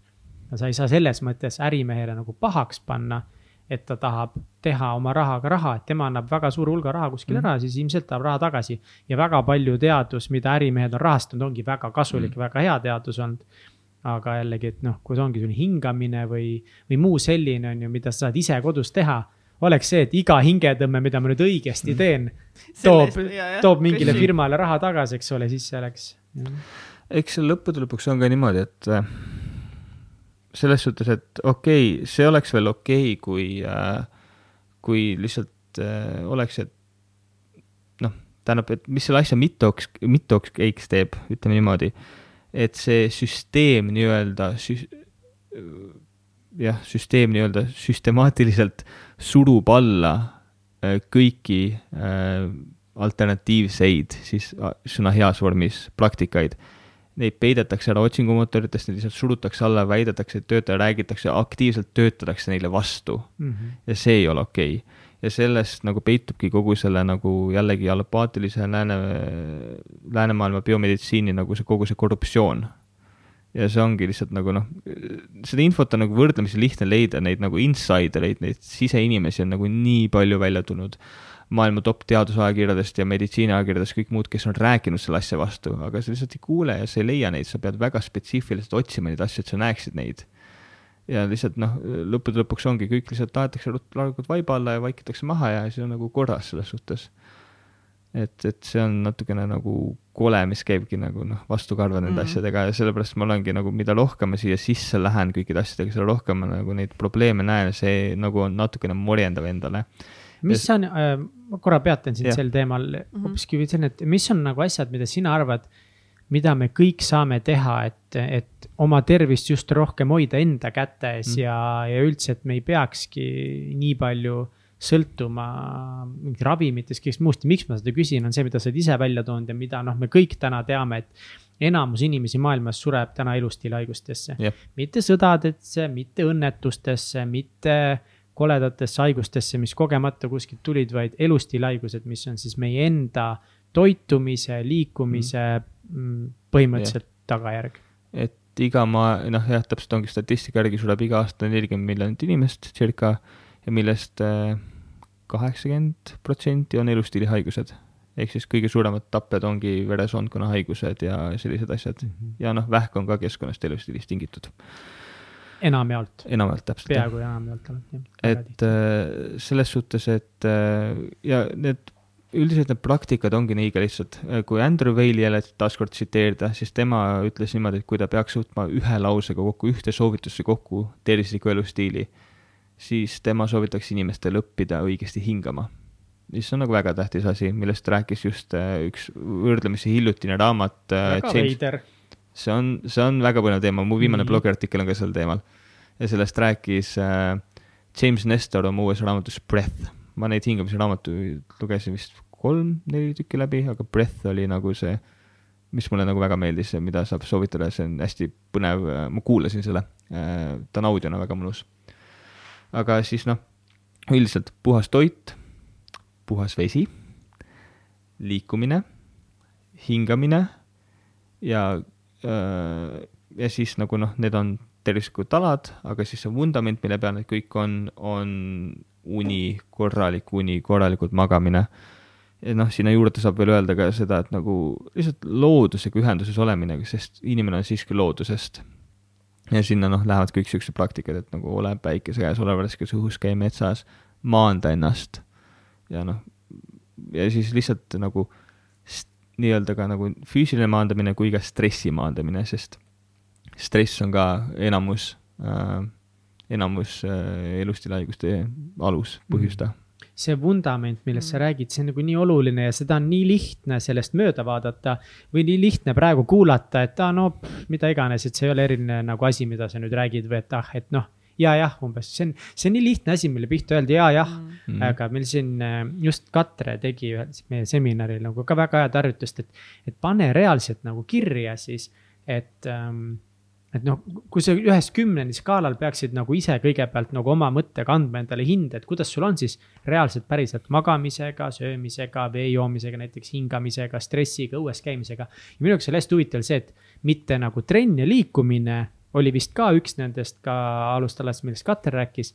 siis just õues käimine mm., siis ma nagu mõtlesin, et õues käimine ja ma hakkasin mõtlema, et millal ma õues tegelikult käin, ma käisin nüüd nädalavahetusel lahinglaskmistel, ma olen kaitseliitlane mul on üks valge vatt siin kõrvas mm., sellepärast et mul tuli kõrvatropp ära ja siis ma kuulipildujal lasin kõvasti ja siis kõrv sai väga kahjustada, aga ühesõnaga, siis ma olin õues kaks päeva.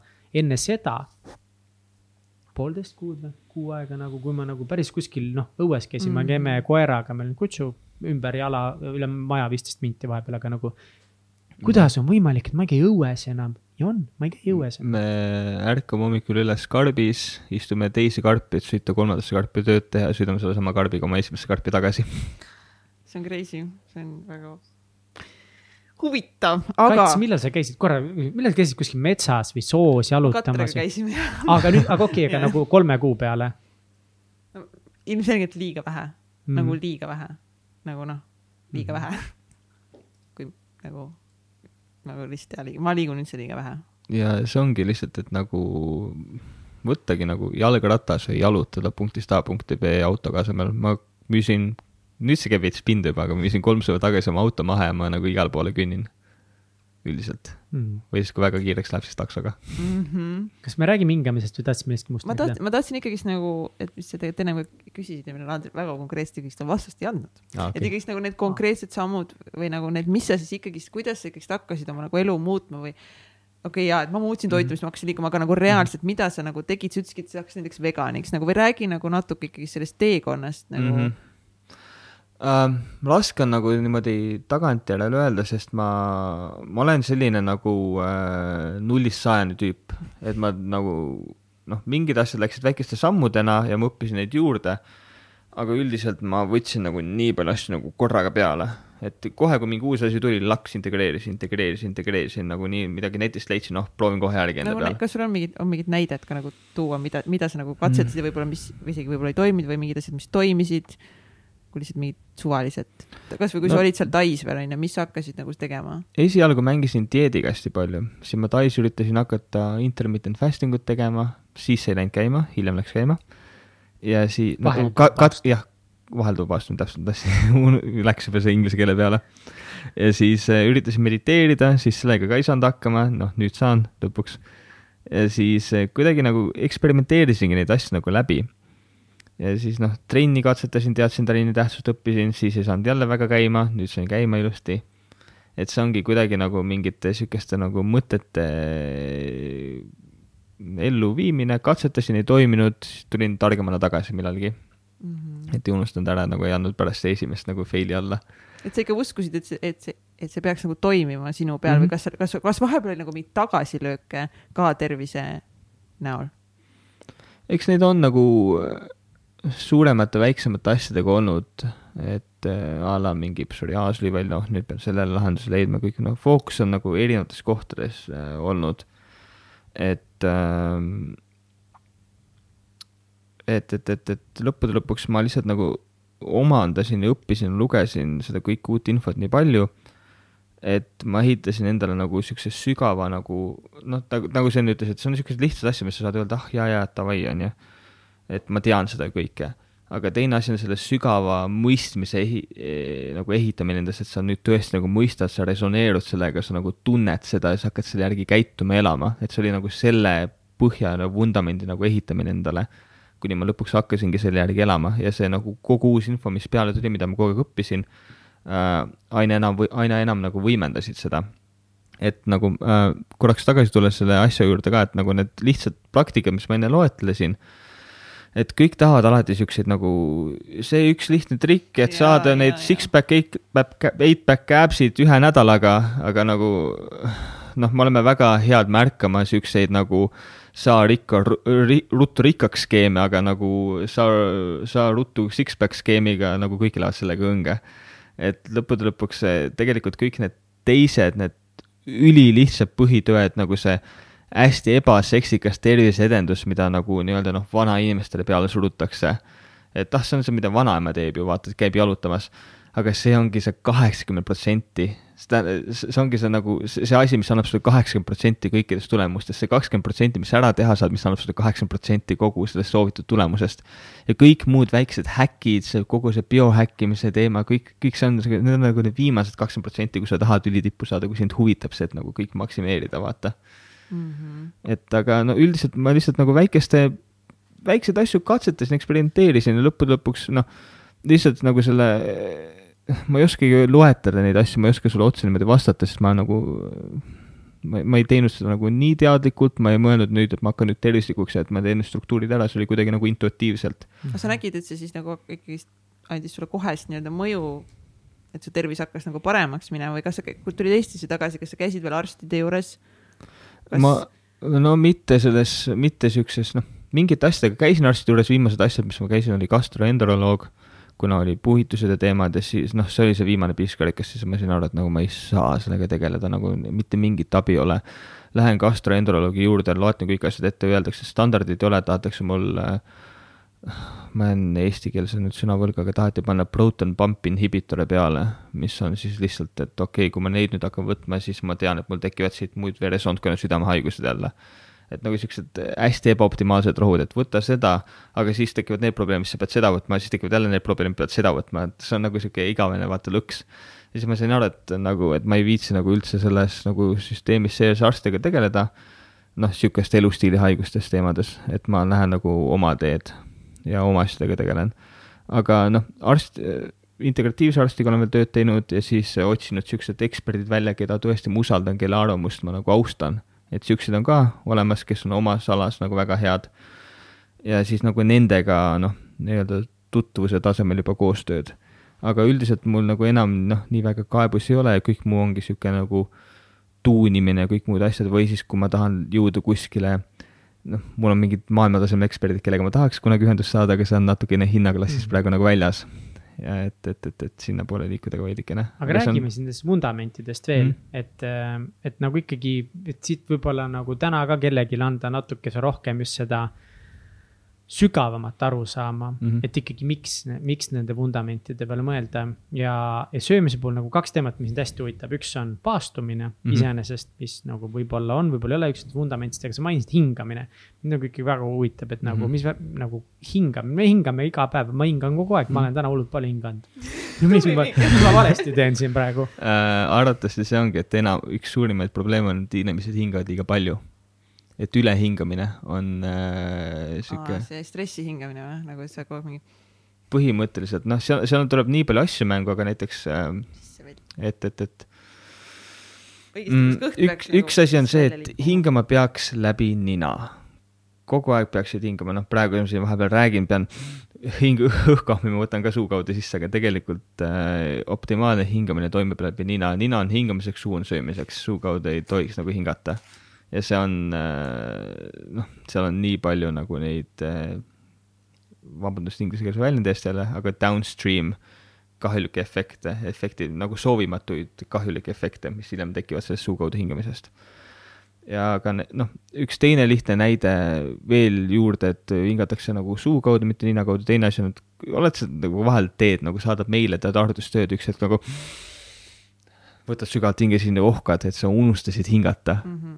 et selle nimi on emaili apnea või ekraani apnea e, emaili apnoe või ekraani apnoe, et sa, sa, sa lihtsalt unustad hingata vahepeal nagu. ja, ja, ja see on ja, sama, mis nagu, sama väärne nagu uneapnoe, aga sa lihtsalt vahid ekraani ja sa unustad hingata. et see on see arvuti kuidagi, arvutiga kuidagi seotud. aga ma soovin, noh, blogipostituses äh, ma, väike enesereklaam. blog, blog.andripeetso.com, äh, sealt siis äh, viimane, praegusel hetkel viimane artikkel ongi hingamisest mm. ja seal ma kirjutasin nagu need asjad lahti. aga üldiselt on see, et noh, ilma keerutamata, kuidas õigesti hingata, kui me vaatame nii-öelda äh, selliseid iidseid praktikaid, meditatsioonipraktikaid, mediteerijaid, joogisid, kõiki muid teemasid ja ajalooliselt asju siis tundub, et see õige hingamisrütm on äh, viis koma viis kuni kuus sekundit sisse ja viis koma viis kuni kuus sekundit välja ja nina kaudu ja niimoodi kogu aeg. see on see optima-, optimaalne hingamisrütm. aga noh, see, seda saab treenida endale tagasi selles suhtes. ja siis äh, noh, hästi palju hingamisharjutusi on, mis on nagu hästi võimsad, igatepidi saab destressida ja kõike muud, aga optimaalne inimese hingamine ongi ainult nina kaudu. ja siis äh, noh, selles suhtes, et selles rütmis et mis ma ise olen nagu treeninud praegu, on see, et ma sporti tehes hingan ka ainult nina kaudu äh,. nii joostes ainult nina kaudu sisse-välja, jõusaalis terve aeg suu kinni mm, -hmm. magades teibin suu kinni, panen teibitükise väikse huulte peale, et ma suu kaudu hingaks, see on üks kõige tähtsamatest asjadest, kusjuures tõstab une wow. kvaliteet reaalselt mõõdetavalt, selle sõlmusega saan, sõlmusega saan muuta. ja siis äh, ja ka kõige raskem asi on äh,, ma natukene kõrvaline teema, aga ma tean, noh, me mõlemad tegeleme sama spordiga, Brasiilia jiu-jitsuga ja siis Grace'i pere kõige äh, nagu öelda, paremini hoitud saladus ongi sügav diafragma hingamine, mis on üks mis nemad ütlevad, endile kogu eelise andis seal mm.. et ainult nina kaudu läbi diafragma mm -hmm. sügavalt. ja ma trennis kogu aeg proovin läbi nina hingata, aga mitte sellepärast, et ma teadsin, et see on nagu tervisele kasulik, vaid mm. see ka aitab mul kontrollida ennast rohkem, ma olen mm -hmm. kontrollitum, ma ei põleta ennast läbi ja ongi on see, et kui sa mingi maadled mingi tüübiga, sa justkui võitled elu eest, siis on ju esimene instinkt on mõnes mõttes nagu mm. -hmm. ta on kuidagi sul peal, sa oled mhm. väsinud, on ju. ja ega nagu suures väsimuses sa tahad nagu hingata niimoodi mm. -hmm. aga ma surun ennast hingama läbi nina ja see on nii huvitav, et see toob fookuse mm. -hmm. ma olen palju rohkem fookuses siis, ma kontrollin ennast, ma rahunen maha okei okay,, mul on hästi veel siin, ma ei ole veel surnud, ma ei ole veel ära kägistatud nii-öelda. ja, ja teine asi hingamise puhul ma olen ka avastanud, et miks see ei kõla mulle nii-öelda mingi üli udujutuna, ongi see, et, et. et võib-olla hingamisel on palju rohkem, kui me teame, sest kui me teeme ka hingamisharjutusi, kui mina olen teinud erinevaid hingamisharjutusi, siis ma olen avastanud mingeid huvitavaid asju, et kas mingid tohutud energiapahvatused peas, me tegime Johan Urbiga hingamisharjutust, ma tundsin ennast täiesti nagu imelikult teistmoodi. ma olen teinud seda Wim Hofi hingamisharjutust ühe korra. ma suutsin tohutult kaua pärast seda hoida hinge kinni lihtsalt mm., et noh nii palju ma olen kogenud erinevaid asju, mis nagu muutub, ma tunnen muutust mm., et kui ma nüüd igapäevaselt parandaks hingamist, mis siis võib juhtuda? see ongi see, et kui sa tunned ennast trennis juba nii hästi trenni tehes, siis tegelikult seesama efekt on ka sul igapäevaselt, kui sa õigesti hingad. ja noh, trenni kontekstis siis tegelikult me, enamus inimesi vist on seda teadnud, et lihtsalt nagu aja kogemine on siiski suhteliselt subjektiivne, me kõik teame seda nagu ühte minutit, mis venib tunniks või nagu need, see tundi, mis venis minutiks, vaata. et siis sa mõnes mõttes endale subjektiivselt saadki trennis õige hingamisega seda aega aeglustada, et sa suudad rohkem mõtteid protsessida, rohkem asju nagu läbi käia, rohkem kohal olla. Äh, Wim Hofi hingamine konkreetselt, noh, see ongi nagu, Wim Hof on võtnud ühe niisuguse iidse tehnika, mille nimi on Tumo äh, ja siis teinud selle nagu igapäeva inimesele vastuvõtmaks, kuna noh, Wim Hof on ka ise ka niisugune hea igapäevainimene, ropendab ja paneb spagette päevas ja et siis, et, et, et ta on niisugune nagu noh, ta, ta on karakter, kellega sa saad samastuda ja sellepärast see tundubki, et ei ole nagu niisugune kuskil mm -hmm. väljas mingi võimatu standard, milleni sa ei saa jõuda aga siis tema see praktika, tema võlu ongi see, et tema praktikat on nagu reaalselt nii lihtne teha ka ja see on nii võimas, et sa nagu tunned seda väga konkreetselt ja siis sa saad aru, et nagu mis asi on hingamine, kui sa seda proovid ja kui sa seda koged. ja noh, neid teisi harjutusi on veel, see tõmbab sind väga käima. noh, tegelikult seda ei tohiks rohkem kui nädalas korra teha, mõni paneb iga päev, see on, sa lihtsalt oma kesknärvisüsteemi koormad aga siis on ka siuksed hingamisharjutused, mis sind väga maha rahustavad, saad nii kohale tulla, nii hetkega kohal olla. ja on hingamisharjutusi, mis annavad sulle müstilisi kogemusi, holotroopiline hingamine, kõik muud siuksed asjad. et eh, noh, holotroopiline hingamine viib sind siin täiesti nagu teise maailma wow.. issand, kui põnev. holot-, oota ma nii eh,, holotroop yeah holotroopne, holotroopne. Või holotroop-? holotroopne. vist jah, Stanislav Grof leiutas selle inglise keeles holotropic breathwork. et see on, äh, see tuleneb sellest, et äh, Stanislav Grof on üks äh, teadlane, kes on esimene, kelle peal viidi läbi LSD uuringuid USA-s ja siis tema on üks inimene, kes on ise ka üle nelja tuhande viiesaja sessiooni läbi viinud neid uuringuid ja juhitud mm -hmm. nagu LSD, LSD ravimi noh, treatment'e mm. -hmm. ja siis, kui ära keelati äh, Ameerikas LSD ja kõik see muu ajastu, siis Wim Hof, ta nägi nende nagu äh, väga tugevat positiivset mõju äh, üldse psüühika tervisele ja nagu psühhiaatria valdkonnale. ja siis ta tahtis teada, et kuidas ma nüüd seda saan jätkata, aga ei, ilma et nagu äh, illegaalselt teha ja siis ta kuidagi jõudis hingamiseni ja siis ta ise töötas koos oma abikaasaga välja selle holotropic breathwork'i ehk siis mingi on, ongi hingamisharjutus, mis suudab sind viia psühhadeelsesse nagu meelteseisundisse, psühhadeel-, psühhadeelikutele sarnasele meelteseisundisse. Ja paljud ütlevad, et see on nagu LSD-st ja psühhadeelikumidest nagu isegi võimsam seisund. Mm..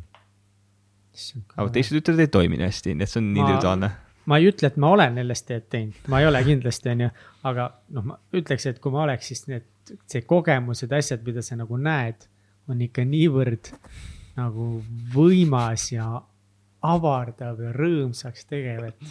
aga ei ole teinud. ma see on see, mida sa oled kuulnud, onju.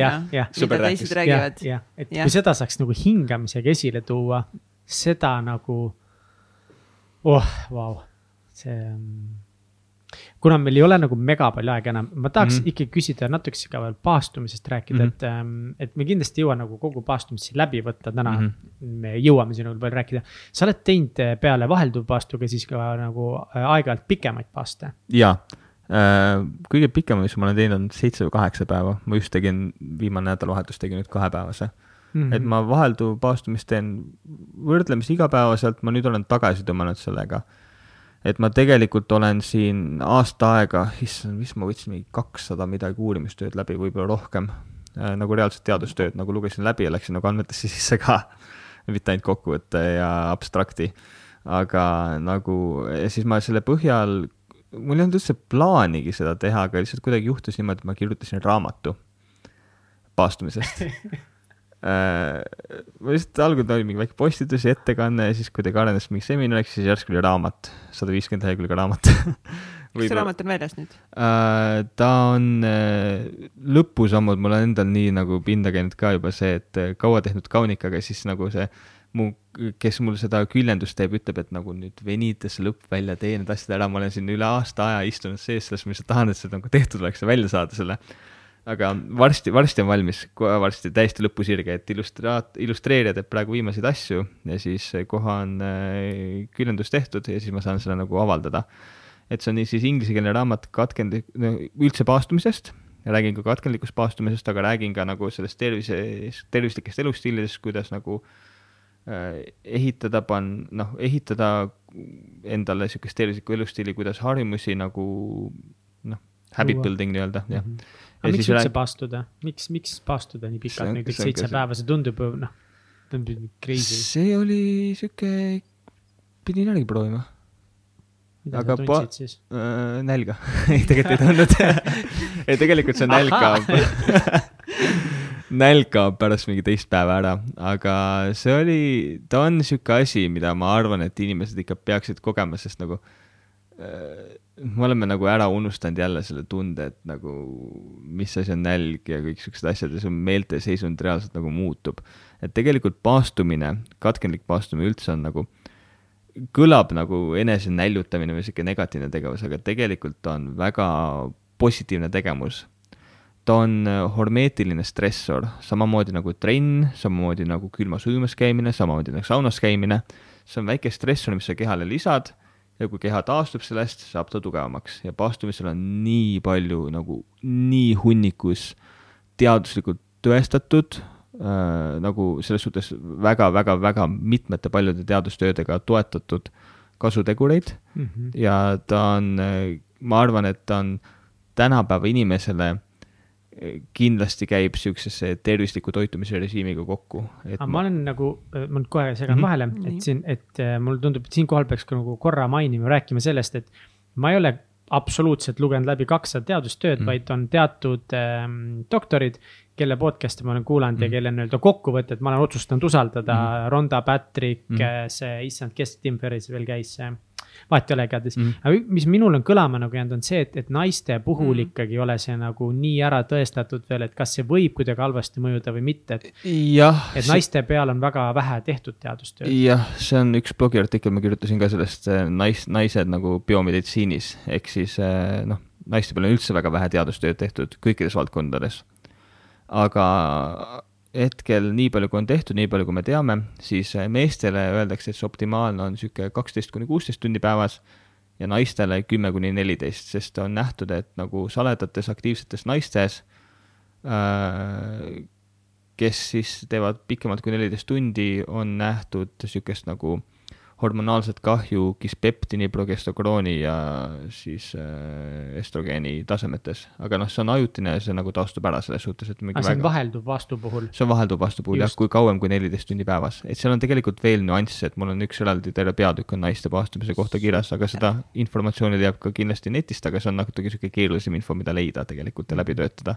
aga, aga see, kui nagu naisena teha näiteks kord kvartalis mingisugust lihtsalt kolmepäevast paastu või, või ma ei tea, kord poole aasta jooksul või? ma arvan, see ongi optimaalne, ma arvan, et kas kord kvartalis äh, kolmepäevane või siis kaks korda aastas viiepäevane, et midagi sellist, et tegelikult nagu sihuke üks mitmepäevane paastutegevus võiks olla nagu planeeritud ikka nagu iga inimese nagu aastaplaani sisse või kvartaliplaani, et selles, see, see lihtsalt toetab sinu bioloogiat, see lihtsalt äh, aitab sind igatepidi ja sellest ei teki mitte mingit jätkuvat kahju, see on pigem nagu väga positiivne, väga nagu ma olen aru saanud, et üks nagu kõige tugevamaid äh, põhjuseid, miks seda teha, on see, et kui su keha on siis selles näljahetkes, siis ta hakkab omaenda haigeid rakke hävitama. ja see, see nagu on. selle, jah, selle protsessi nimi on autofaagia, see tuleb siis äh, ladinakeelsest äh, sõnast, mis tähendab äh, nagu ennast sööma. ehk siis äh, autofaagia protsess ta otseselt ei hävita mm., aga ta on põhimõtteliselt, keha hakkab ära kataboliseerima ehk siis ära sööma omaenda haigeid ebaterveid rakke ja töötlema neid ümber lihtsalt aminohapeteks ja kasutama neid energiana. ehk siis see on üks koht, kus energia tuleb, kui su keha on paastuseisundis teine asi, mis autofaagia protsess samal ajal teeb, ta hakkab kaitsema terveid rakke. ehk siis eh, ebaterved ja haiged sööb ära, aga terveid rakke kaitseb. aga autofaagiat aetakse hästi tihti sassi teise protsessiga äh,, inglise keeles on apoptosis, eesti keeles on äh, apoptoos, midagi sarnast et mis on siis nagu programmeeritud uh, programmed cell death ehk siis nagu programmeeritud nagu raku tapmine, et see ei ole nagu päris sama, et see mm., et autofaagia on väga sihuke nagu tervislik protsess ja ta on keha omaenda naturaalne puhastusmehhanism, et tegelikult meil on mingis ulatuses on autofaagia kogu aeg aktiveeritud, eriti kui sporti teeme, kui saunas käime, kui ujuma, külmas vees ujumas käime, kõik muu sihuke liikudes, aga lihtsalt paastuseisundis ta on nagu eriti võimendatud. Mm.. ja seal on tegelikult nagu selles seedimisjärgse seisundiga koos on veel nagu nii palju teisi soovitud kasutegureid, äh, kaasa arvatud niisugune tervislik rasvapõletus äh, ja siis noh, kõikidele, kes kardavad, et kui nad nüüd ei söö veits aega, et kaotavad kohe kõik oma lihased ära, siis paastuseisund on antikatapoolne seisund, ehk siis keha ei kataboliseeri omaenda lihast, keha ei hävita omaenda lihast, vaid keha kaitseb lihast selles seisundis. ja siis noh, põhimõtteliselt sa lähed kaks, kaheksa kuni kaksteist tundi peale viimast toidukorda sa lähed seedimisjärgsesse seisundisse, sa esimesena tarbib keha ära kõik äh, veresuhkru äh, maksast äh,, siis äh, läheb ta lihasveresuhkru kallale, kui veresuhkur on otsas, mida ta enam nagu tarbida ei saa, siis, siis äh, hakkab keha nagu adopteerime ära või? jah, siis hakkab keha Äh, põhimõtteliselt läheb rasvavarude kallale, ehk siis sa lähed ketoosi seisundisse, et keha hakkab lihtsalt oma rasvast energiat tootma, mis on nagu noh, vaieldavalt puhtam äh, energiaallikas, kui on äh, veresuhkru pealt töötamine. Ja sa oled nagu optimaalsemas seisundis selles suhtes, et kui keegi on nagu paastumist teinud või kardab, kardab, et ah, kui ma nüüd ei söö, ma olen, mul on paha olla, mul pea valutab, ma ei mäleta mitte midagi, mu mõistus ei tööta, vastupidi võib-olla esimesed korrad jah, kui sa ei ole harjunud. see on nagu, ma olen, see on nagu suht kindel vist isegi, et nagu ikkagi, kui sa pigem nagu oled sihuke keskmine lääne toitumisega, et siis peavalu ja tugev nälg on nagu selle teise päeva vist ikkagi päris kõva. see on pikema paastu puhul, aga katkendlikus paastumises mm. on niimoodi, et kui sa noh, kui sa, kui sa ära harjud sellega mm, -hmm. mingi mhm. kaks nädalat läheb mm -hmm. aega, et ära harjuda, siis sul tekib selgus paastu hetkel, su mõistus töötab paremini ma olen nii nõus sellega, et lihtsalt ongi mingi, mingi hetk nagu, kui sa lihtsalt ei söö, ei söö hommikul ja näiteks mingi kell on üksteist, siis ma olen nii tihti tundnud nagu seda, et sa oled lihtsalt nagu nii kohal. Mm.. ja nagu on see selgus ja seda on nagu veider seletada inimestele, kes ei ole võib-olla tundnud seda, et ah, mis asja sa räägid nagu, hakka sööma, vaata. aga on... nagu see on lihtsalt niimoodi. jah, et seal on, on hea analoogia on selles, et näiteks noh, et tegelikult, mis juhtub, on see, et su ajutöö aeglustub, aga tundub nagu hästi ebasoovitud tulemus, et mis mõttes mu ajutöö aeglustub, on ju aga aeglustub sihuke asi nagu on default mode network ehk siis on see nagu noh, see põhimõtteliselt see müra ja kõik muud ja frontal lobe nagu esi, noh eesti keeles. frontaalkorteks või? ei, ma ei tea, kas on. prefrontaalne korteks on teine teema. aga mis asi see frontal, lobe jah, et Nii, see nagu aju töö põhimõtteliselt aeglustub ja see annab sulle siukse nagu meditatiivse efekti, meditatiivse kohaloleku, et ajutöö, noh, seal on see teised asjad, synaptic connectivity, synaptic activity, kõik muud, hästi palju protsesse on veel. jah, ots-, aga põhimõtteliselt keerulised sõnad kõrvale jättes, sa oled rohkem kohal ja kõik ajuprotsessid, mida sul nagu tegelikult ei ole vaja niisama kohal olemiseks, need nagu on tausta tagaplaanil ja siis äh, see on niisugune nagu meditatiivne seisund eks selle vastupidine asi on, kindlasti on kõik tundnud, et kui nad veits nagu liiga palju kohvi joovad, siis on niisugune nagu all over the place, nagu igal pool nagu mõistus jookseb, sõidab ringi, et see on siis, kui ajutöö on nagu suurenenud. ja et seda noh, evolutsiooniliselt seletada seda aeglustumist ja kohalolekut ja ajuenergiat ja niisugust selgust ära, ongi see, et kui sa näljaseks jääd või üldse nagu paastusisend, et kui sa kümme tuhat aastat tagasi korilane või jahimees või keegi jäi, keegi jäi näljaseks, siis oleks nagu maru ebaloogiline, et oh, ma olen nüüd näljane, ma heidan siia pikali, suren ära, ma ei jaksa mitte midagi teha. siis on just see hetk, kui on niimoodi, sest meil ei olnud nagu külmkapp ja kõike muud, et lähed võtad toitu. nälg on nüüd see tunne, mis annab mulle teada, et nüüd ma pean minema toitu otsima. ja siis, kui ma jäin näljaseks, siis ma pidin olema optimaalsemas seisundis, et seda toitu endale leida ja püüda.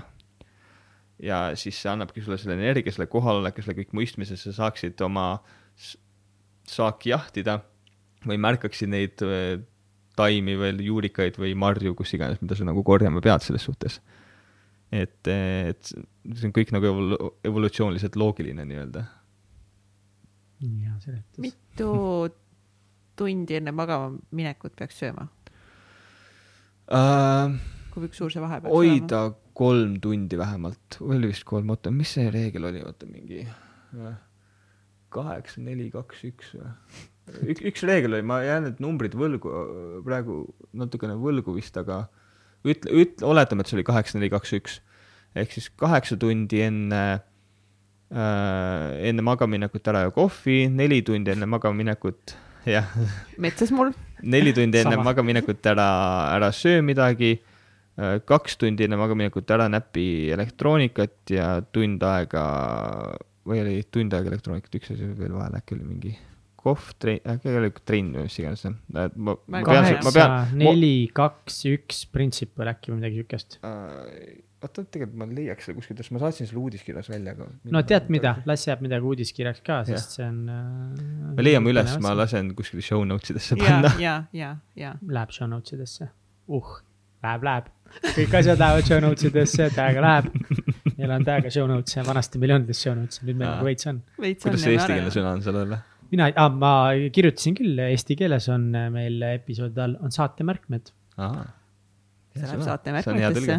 saatemärkmetesse. sõbrad, sõbrad ja mina olen oma unega hädas ja, ja ma olen kohvi tarbimist selles mõttes kontrollinud, et, et no näiteks kaheksa tundi enne magamist, ma arvan küll, et ma enam ei vanasti, ma jõin mm. ikkagi tööpäeva lõpus ka kohvi, nüüd ma joon alati nagu mm. -hmm. kas siis palju, aga ma joon alati ikka vist enne lõunat joon kõik kohvid ära mm., mõnikord seda. kõik kohvid. kõik kohvid ma joon enne lõunat ära ja, ja ma ei saa seda uneasja nagu paika, ma ostsin endale uue padja, et mul nagu kael ja pea läks paremini, mis ma tunnen, et mul on mugavam nüüd voodis, ma ei saanud vanasti mm -hmm. nagu küllil üldse olla normaalselt enam.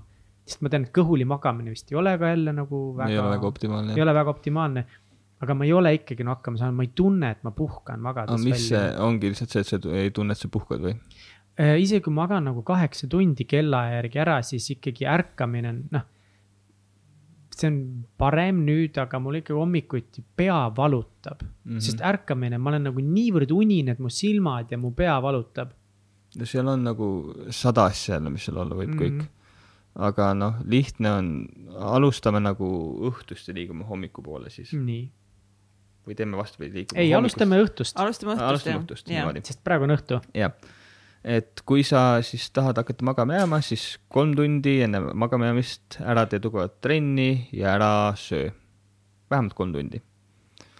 Äh, kaks tundi, tähendab jah, jah, jah, jah. selles mõttes, et nagu me võime võtta neid kui nagu mm. mingid enam-vähem suunis, mida saame kontrollida ja võib-olla mm. lõpuks ongi see, et mõni inimese jaoks on kolm pool, teise jaoks on ju kaks viiskümmend. et ütleme, et neli tundi enne magama jäämist ära tee tööd, lihtsalt lülita välja sa sa selles suhtes, et lõppude lõpuks, kui sa ei tee need paar tundi tööd, sa oled järgmine päev efektiivsem ja teed sedasama töö kiiremini ära, sul ei ole vaja õhtul töötada. see on üks asi, neli tundi enne ära tee tööd. kolm tundi enne ära tee tugevat sporti, nagu noh, kolme, kui on kolm tundi enne, siis on tehtud, aga vähem kui kolm tundi ära tee tugevat sporti ja ära söö midagi.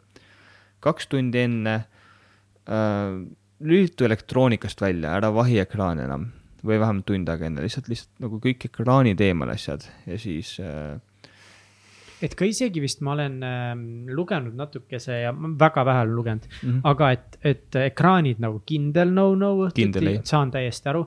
aga et isegi raamatu lugemine õhtuti nagu vahetult enne magama jäämist, kuigi on nagu ma ise ka olen väga tihti et võib-olla magama mõnusasti mm raamatut lugedes sa ei jõua nagu lugeda magama, aga et, et justkui ka see ikkagi see silmade, see ajutöö seal raamatut lugedes ei ole nagu võib-olla mm. parim raamat kui konkreetselt selline, see on nagu okei okay, minu arvates, lihtsalt mm -hmm. asi, mis seal võib takistuseks saada, on see valgus, valgus. Mm -hmm. et äh, vähendada nagu tund aega enne magama jäämist, siis vähendada tehislikku valgust, mis sa nagu lased, et nagu tuled ära, timmid, kasuta naturaalseid valgusallikaid, küünlad, mis iganes, või siis panna tuppa sellised võimalikult naturaalsed mitte LED, siuksed kollased äh, või niisugused pronksi, pronksi värvi nagu need pirnid mm, -hmm. siuksed naturaalsed hõõgniidiga pirnid. ehk siis nagu see, me, me, me, see tehislik valgus, vaata, me ei ole arenenud, noh, meie ise oleme arenenud, me teame, et nüüd tuleb põled, kõike muud, aga meie bioloogia ei ole nii ruttu järgi arenenud. ehk siis kui me vaatame nagu neid lampe, need on kõige hullemad võimalikud lambid mis olla võivad, nad vilguvad ja kõike muud ja see on nii mitmel tasemel kasutavad nagu kahjustavad bioloogiat. aga kui me vaatame siia, siis nagu meie aju, meie süsteem, meie keha, meie kogu bioloogia arvab, et me vahime nüüd põhimõtteliselt nagu päikesesse, et reaalne päev on väljas ja nagu mm. -hmm. meie kehalised süsteemid, meie tsirkaadi-, tsirkadiaanrütm ja kõik muud asjad ei tee vahet sellel, kas on päris või tehislik või mis iganes nagu.. ta ei lülita, ei hakka ennast välja lülitama Täpselt. nagu öörežiimi. et siis äh, kas ma võin nagu jälle veidikene nagu faktidega praegu nagu natukene eksida, aga vist oli, et isegi iga kord, kui sa näed nagu õhtul mingisugust valgust mm -hmm., kasvõi nagu mingi väike wifi mm -hmm. ruuteri LED tuli kuskil mm -hmm. põleb, see lükkab su melatoniini tootmist, paneb pooleks tunniks pausile või tunniks ajaks pausile. ja melatoniin on siis see unehormoon, mis, mida kõike nagu vaja keha taastumiseks, kõikidele muudeks asjadeks. kuskil hiljuti kuskil kellegi saates kuulsin sellest ja kuidas keegi rääkis sellest, et ta lihtsalt ka on teipinud kõik asjad kodus mm. nagu kinni, mis vähegi võivad nagu mm -hmm. vilkuda või midagi yeah. teha, nagu kõik on kinni teibitud, ma ei nagu ja, ka mingi davai ja siis noh, selles suhtes, et lisaks sellele, et meil on silmades nagu need valgusretseptorid, meil on nahas ja igal pool mujal ka need valgusretseptorid, et siis nagu vähendada seda, võimalikult palju vähendada seda valgus exposure'it. niimoodi, need on need asjad, mida sa enne, enne nagu magaminekut peaksid tegema. üks asi on siis hea veel niisugune asi nagu wind down rutiin, rahunemise rutiin, sul on mingi rutiin, et sa tead, mida sa iga õhtu teed, et nüüd ma hakkan magamiseks valmistuma, magamiseks valmistumise rutiin mm. -hmm. võib olla ükskõik, mis see sul on võid mediteerida, võid hingata, võid raamatut lugeda vähese valgusega. Aga lihtsalt sul on mingi rutiin, mida sa teed läbi, et nüüd ma hakkan magama minema, et sa nagu selles suhtes aju tunneb ära mustreid. ja nüüd sa annadki ajal märki, et tekitad talle selles äratundmise, et see juhtub tavaliselt ja siis pean hakkama magama minema. ja see samal põhjusel, miks aju tunneb mustreid ja miks sul see rutiin on, siis magamistuppa, magamistuba on kaheks asjaks, magamiseks ja seksimiseks. nüüd ma tsiteerin oma sõpra äh, Siim Mesipuud, kelle retriidimus nädalavahetusel käisin, kus ta ütles need kuldsed sõnad et äh, selles suhtes, et äh, magamistuba ainult magamiseks ja seksimiseks. jah, et mitte mingit telekat, mitte mingit elektroonikat, mitte midagi sinna ei vea ja lihtsalt nagu sa ei lähe ka läpakas päevas nagu sinna voodi peale pikali ja ei hakka mingit tööd tegema ses suhtes, et kui sa lähed voodisse, siis su keha peab teadma, et see voodi on nüüd magamiseks. Ja see annab sulle jälle siukse nagu kickstart'i ja kõike muud, sest su nagu, sest sa oled, sa oled nagu inglise keeles väljend creature of habit jälle, sa tead, aju, aju on nagu ennet-, ennetav teema, nagu aju on ennetav organ selles suhtes et, äh, et, et magamistuba puhtaks kõikidest ebavajalikest asjadest, üldse kõik kola nagu välja, magamistuba võimalikult puhtaks, sul on seal voodis, sul on seal taimed, veits zen olla, aga nagu kõik muu kola nagu välja, mobiiltelefoni mitte midagi sinna kaasa ei vea. tahaks siis... korra nagu vahele kommenteerida mm -hmm. enne kui hommikurutiinidest mm -hmm. veidi räägime või sellest poolest, mis tahtsid mm -hmm. siis mainida. et see jällegi, see võib-olla tundub nagu, et ah, noh et no mida te ajate nagu, see, see võib nagu tunduda kuidagi, et nagu ma magan, aga võib-olla see on jälle see koht, kus ma tahaks korraks meenutada, aga mis siis, kui äkki, kui võib-olla on mhm. võimalik veel paremini, veel võimsamalt välja mhm. puhata, kui sina täna magad. võib-olla sul on magamisega nagu, nagu päris okei okay,, võib-olla sa ärkad nagu suht okeilt, aga mis siis, kui? jah, et ma tooksingi alternatiiviks sellega, et see oli seesama, kui ma arvasin sel hetkel, et ongi normaalne, kui ma olen päeval väsinud, ongi normaalne, mul on halb olla, et ma ei seedi asja, asju, hästi ära, et mul on niisugune äh, kogu aeg. et see oligi mulle, see oli minu normaalsus, aga kui ma avastasin, et kui ma struktureerin magamist ja kõike muud, siis mul on päris nagu hea olla. ja siis, kui mul oli väga hea olla, siis ma ei taha kunagi selle peale tagasi minna enam, mis mul varem oli, selles suhtes. nii, hommik. nii äh,, enne kui hommikusse jõuame, üks asi mm, -hmm. mida ma siiralt ei salli, on äratuskellad äratuskell on saatanast lihtsalt. ma ärkan iga hommik naturaalselt, teen ise õigel ajal silmad lahti. ma lihtsalt ei saa aru, kuidas see võimalik on, Evelin Veermets räägib ka lihtsalt kogu aeg sedasama asja, mingi, mingi ma ärkan ja ma ärkan iga päev jumala õigesti, nagu ja. ma lihtsalt mingi nagu kuidas. no jaa, aga Evelin, sina ka ei pea jõudma tööle kellaks õigeks kellaajaks. lapsed peavad sisse, lasteaeda jõudma. aga see on sisseharjutatav, see on, sul on väga-väga täpne sisekell olemas sees ja see on harjutatav. tegelikult ma usun seda. ei, ma usun, et see on võimalik, see tundub lihtsalt nagu iga nii. päev minuti pealt umbes ja. samal ajal. aga see ongi, see vajab rutiini ja kõike muud mm.. aga lihtsalt äratuskell on jälle see teema, et evolutsiooniliselt jälle, millal sind nagu öösel järsku üles äratati, kui mingi häire on mis juhtub, kui sul mingi äratuskell karjub sul hommikul, sul lihtsalt tuleb keha stressihormoone täis ja sa oled kohe hommikul, oled sümpaatilises kesknärvisüsteemi seisus, sa oled valmis minema, kõik muud asjad nagu, aga see on lihtsalt see pidev järjekordne ebavajalik stress jälle meie kehale, mille pärast meil õhtul magama jääda on nii keeruline, mille pärast meil närvid läbi on, mille pärast meil ärevus ja kõik muu teema on mm.. kuld. et äh, selles suhtes see ärkamine ka ära optimeerida, et lihtsalt nagu võimalikult naturaalselt nagu aga kuidas, aga mis on nagu mingi alternatiiv, okei okay,, et nagu, et mitte ära, ärgata võib-olla selle tõsise mingi ja, ja, ja võib-olla seal vahepeal nagu see, et ma ärkan nat- nagu täiesti ilma äratuskeeleta, et mis see mingi vahepealne mm. nagu mingi hea on, lahendus oleks? on olemas sellised valgused, mis lähevad nagu kellaajaga, hakkavad nagu üles minema, siis valgus nagu äratab sind üles mm. -hmm. mul on täiega dream, et kui ma mingisuguse oma kodu või maja ostan, et siis kindlasti üks asi, mis sinna tuleb, mis on tänapäeval nagu noh, kui sul nagu võimalus ehit-, täiesti lihtne asi, rulood, mis taimeriga või mm., või siis noh, päiksetõusuga, et rulood tõusevad üles, sest mm. öösel ikkagi oleks kott pime mm -hmm. ja hommikul yeah. teeb kõik rulood asjad lahti. väike asi, aga mul mega unistus. see on mega cool, love it. ja siis no üks asi on ka, et no kõige lihtsam trikk, pane mingi normaalne äratuskeel endale nagu iPhone'i peal chimes näiteks on üks asi, mida mina vähemalt ära kannatan see on siuke tuulekellade hääl, vaikne siuke. Davai, läheb peale. see on veits lihtsam kui pead äratuskellaga ja noh, aga äratuskell kaugel kuskil. ja, ja, ja see, see, okei okay,, see on üks asi, mis on paigas, see on teises toas, aga noh, mm. see edasi me sealt ei hakka rääkima yeah. täna, mis edasi saab ja siis noh, aga eks hea õige magamamineku äh, noh, et hästi magama saada, hea unis hakkab ikka nagu hommikust pihta, kuhu me nüüd jõudsime. ehk siis kuidas sa ärkad ja mis hommikurutiinid on ja kõik muud asjad nagu ja hommikurutiin on jälle igaühe enda disainida. aga noh, samamoodi, et kui me nüüd siseneme vaikselt pimedasse aega, siis kui väljas on pime, siis me tegelikult ikka ei taha seda päevavalgust saada enne, kui päris päikesetõus on. et seda nagu hoida. et kui on pime, siis äh, proovida veel pimedas kombata, noh, pimedas on muidugi väga halb kohvi teha ja kõike muud aga kuidagi üritada sättida niimoodi, et vähendada võimalikult palju igasuguseid ekraani asju. ja noh, teine loogiline, ah, ühest asjast hüppasin üle aga nagu teine asi, et kui sa ärkad, kui sa suudad ilma äratuskellata, mis iganes ärgata, esimesed tund aega ära näpi oma mobiiltelefoni ära, jookse oma meili vaatama, kõike muud.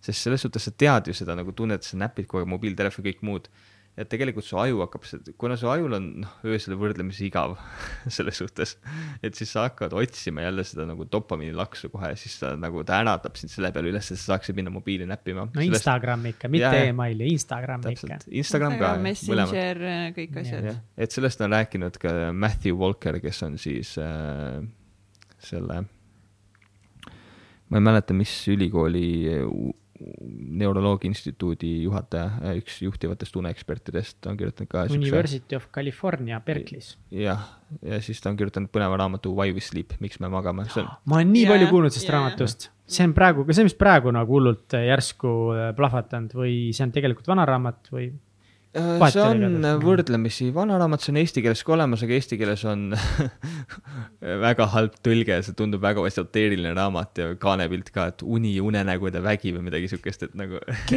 okei, nagu mis värk sellega on, et mingid eesti asjad tõlgitakse no vapse mingiks muuks asjaks. Why we sleep, miks me magame eestikeelne tõlge, mis asi, une?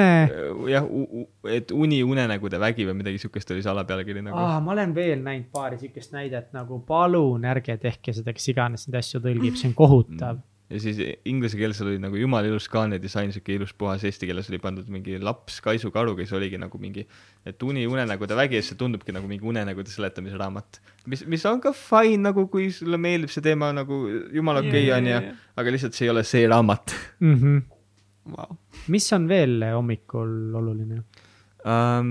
noh, selles suhtes, et uh, hea oleks, see oleneb juba isiklikud eelistused, aga nagu uh, mingisugune väike liikumine, mingisugune meditatsiooni, tänu, meditatsioonipraktika, hingamispraktika, tänupraktika uh,.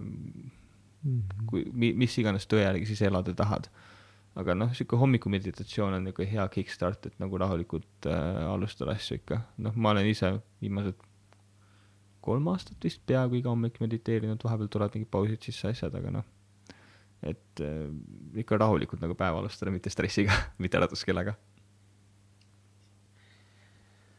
me kahjuks peame hakkama vaikselt liikuma sinna välgutamise poole. kas, äh, kas sul on veel, Kats, midagi, mida sa tahad äh, puudutada kiiresti? Ma parem ei hakka. või tähendab nagu küsime ümber, kas midagi, mis sa tunned, et praegu peaks proovima ära mahutada, see, mida me tahaks sult küsida, Jaa. sa rääkida, seda on kindlasti palju. Need, need on need meie Täitsa Pekis teaduse saated episood üks, kaks, kolm ja viis ja neli ka sinna vahele onju. Andriga saame teha neid, neid järjest eri, erinevatel teemadel, et ma arvan, et ma tänaseks juba nagu lihtsalt eh, taaskord saab mõelda, et peaks oma elu ümber korraldama, loobuma. Ilmselgelt see ongi nagu lihtsalt täpselt nagu Mihkel ütles, me tegelikult, me teame kõik neid asju, mida me peame tegema lihtne nagu lihtsalt kapski need ära sööa need ekraanid ja lihtsalt nagu ei tee neid. sest see tundub nagu, et no praegu on ka nagu kinda nagu hästi, vaata nagu noh, siis ma magan, okka, magan, ma ärkan ülesse, teen asju, noh mm., noh, selles mõttes ma ei tunne ennast nagu, et ma ülisitasti tunneks ennast. osad tunnevad ka, ma arvan. jaa, aga ongi nagu noh, tihtipeale ei osata nagu siukseid äh, väikeseid kaebusi nagu ära ühendada. ehk siiski nagu noh, ütleme jälle, ma hüppan korraks selle meditsiinisüsteemi peale tagasi. aga et kui sa oled kolme-neljakümne aastane mees äh,, sul on noh, sihuke väike tööstress peal, võib-olla niisugune väike masekas äh,, ei tunne ennast hästi, ei maga hästi äh,, vererõhk kõrge võib-olla näpud vahel surisevad, sa ei saa meditsiinisüsteemilt sama tähelepanu, mis saab keegi, kellel on neerupuudulikkus. sulle võib-olla antakse lihtsalt äh, väiksed antidepressandid, mida on hästi lihtne välja kirjutada igale ühele, noh, lähevad nagu kommid. ja siis äh, pannakse vererõhu statendroogid sulle peale ja saadetakse teele. ja siis sulle põhimõtteliselt tekitatakse niisugune tunne ka sisse, et noh, sa, mis sul nüüd viga on, et miks sa nagu siit abi tulid otsima. aga noh, sellepärast ongi, et noh, sellepärast ma teengi seda, mida ma teen ka, et nagu levitada seda infot, et tegelikult sa ei pea minema seda abi otsima, sa ei pea neid drooge võtma, sa ei pea kõike muud seda tegema no mingis olukorras, ma kohe segan, ma ütlen mm Mhm. -hmm., selles mõttes nagu ikkagi oluline siinkohal öelda ka, et, et nagu väga palju on häid arste, on kehvemaid arste, on väga palju häid siis nagu, kuidas me täna ütleme kahjuks siis mõnes mõttes kahjuks, et eh, alternatiivmeditsiin, mis ei ole nagu üldse hea sõna, see alternatiivil on mm. nii Mm. tobe mingi negatiivne mm, Mhm. -hmm. aga ka seal on nagu väga palju häid, ma ei tea. väga palju halbu. Ja väga-väga palju halbu ja samamoodi ka ravimitega, et on nii palju asju, kus teadus on teinud fucking imelised ravimid mm., mis, mis päästavad meie keha täiesti crazy dest asjadest mm.. aga noh, selles mõttes ma olen sinuga täiesti nõus, et on nii palju, see on see kaheksakümmend, kakskümmend, see kaheksakümmend protsenti meie elust, meie tervisest on nii palju meie enda kätes. eesmärk ongi kõigele nagu noh, see, millest me rääkisime, need ala, need noh, põhitööd, asjad, need on, see on kõik ennetlik. Need, kui sul midagi nagu valesti on, noh, terveks ravimiseks on midagi enamat juba vaja. aga need asjad, need ennetlikud praktikad, hingamine, kõik muud teemad, see aitab sind, et sa ei jõuaks sinna punkti, kus sa kunagi pead abi otsima minema.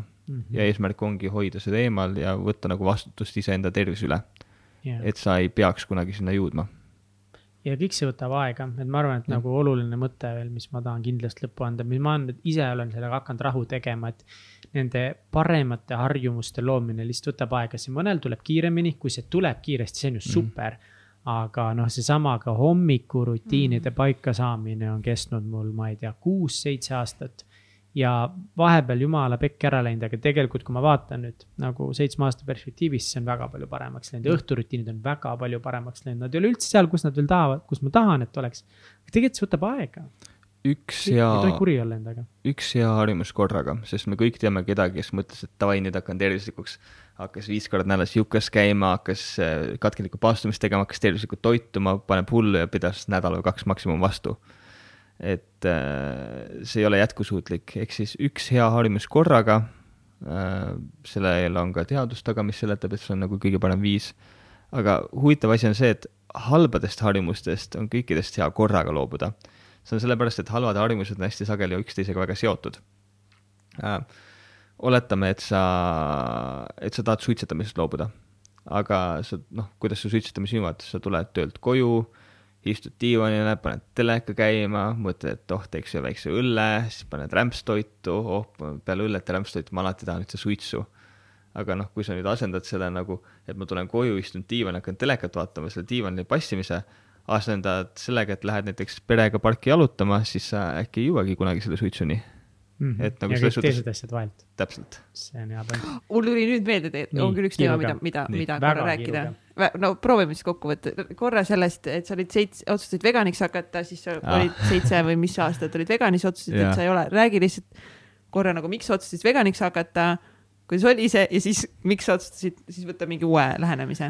see on, see on, ma kujutan ette, et nüüd lähen avalikuks sellega, saan homme vegan formist bänni aga äh, selles suhtes, et ma läksin kõigepealt äh,, hakkasin veganiks äh, sellepärast, et äh, tervislikud eluviisid, siis äh, ta oli kindlasti tervislikum alternatiiv sellele, mis ma siis tegin. äh, siis jätk-, järgnesid nagu keskkondlikud põhjused ja siis sellele järgnesid, noh, ma olen jahimeeste keskel kasvanud jahimeeste perest, aga lõpuks järgnesid ka eetilised põhjused, ehk siis ma olen siiamaani eetiliselt selle nagu äh, looma nagu seda factory farming asja vastu, et ma ei, see on asi, mille, mis ma eeldan, mitte keegi ei saa nagu oma südametunnistuse järgi toetada väga, on ju.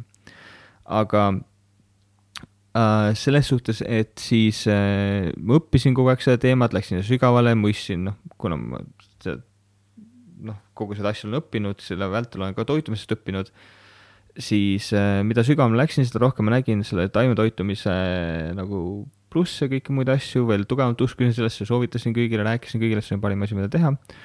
aga lõppude lõpuks ma läksin sinna nii sügavale, et ma hakkasin aru saama nendest asjadest kõik, mis ei ole taimetoitumisega optimaalsed ja lõppude lõpuks ma nägin, ma olen ka nagu, tegin geenivaramuga koostööd, olen oma geenifailid kätte saanud, olen äh, oma mikrobiomi teste, kõiki asju teinud, olen ise Prometheuses ja teiste programmidega jälle oma, oma geen läbi kamminud, vaadanud, paaritanud neid toitumist ja kõikide asjadega. ehk lõppude lõpuks äh, ma sain aru, et nagu hakkasin mõistma, et äkki ei ole mulle taimetoitumine nagu piisavalt optimaalne siis nagu, kui ma tahtsin trennis edasi areneda, noh, see see, praegu ma olen noh, kogu see trenni, kogu selle oma nii-öelda füüsilise poole ma olen taimse toidu peal kasvatanud, et nüüd ma olen mitte vegan olnud nii lühikest aega, et see ei ole veel nagu muutnud, aga ma katsetan, et äkki saab kuidagi veel optimaalsemalt kõiki asju. et lõppude lõpuks ma õppisin nagu nii palju seda teemat juurde, ma sain äh, psoriaasist lahti kõikidest muudest teemadest, kui ma nüüd äh, noh, äh, kuigi nende asjadega, sorry, ma natuke hüppasin ringi, aga point on selles, et mul olid mingid siuksed väikesed vastikud terviseprobleemid, nagu oli ekseem või psoriaas, nagu olid mingid siuksed muud teemad. ehk siis ma pidin hakkama nagu nii palju erinevaid taimi asju piirama, et mul lõpuks see toitumine oli nagu nii piiratud, et nagu loomse tagasi tutvustamine oli, on nagu, oli ainuke loogiline otsus, kuna mu toitumi-, muidu ma olin nii piiratud, et ma ei saa oma vajalikke toiduaineid lihtsalt kätte, et olla mhm. optimaalne. ja siis nagu, kui ma sinna sügavale läksin, ma nagu äh, ma näen nii palju neid tüüpilisi äh, nagu nii-öelda neid lõkse, nagu veganluse lõkse, millesse langetakse ja tegelikult oma tervist nagu ära rikutakse. nagu näiteks? no hakatakse hullult palju suhkrut tarbima, nagu hullult palju suhkrut hakatakse tarbima ja siis noh, veganlusega kõik räägivad, tule siia, tervislik toit ja kõike muud, aga noh, siis hakatakse räiget nisu panema, suhkrut panema, mingit äh, kõikvõimalikke mitteoptimaalselt valmistatud kaune teravilju ja kõiki muid asju, vaata. et nendel on ka su kehale teatud efekt, et me oleme, me oleme eemale läinud jälle sellest, et kuidas neid toite kunagi optimaalselt valmistati, noh, lihtne näide, et nagu, et absoluutselt eranditult iga taim siin planeedil on mürgine mingi ulatuseni mingile organismile. see tähendab seda, et et äh, ükski organism, ükski asi ei taha, et neid ära süüakse. loomadel on küünised ja jalad äh,, saavad ära joosta või kallale tulla või hambad.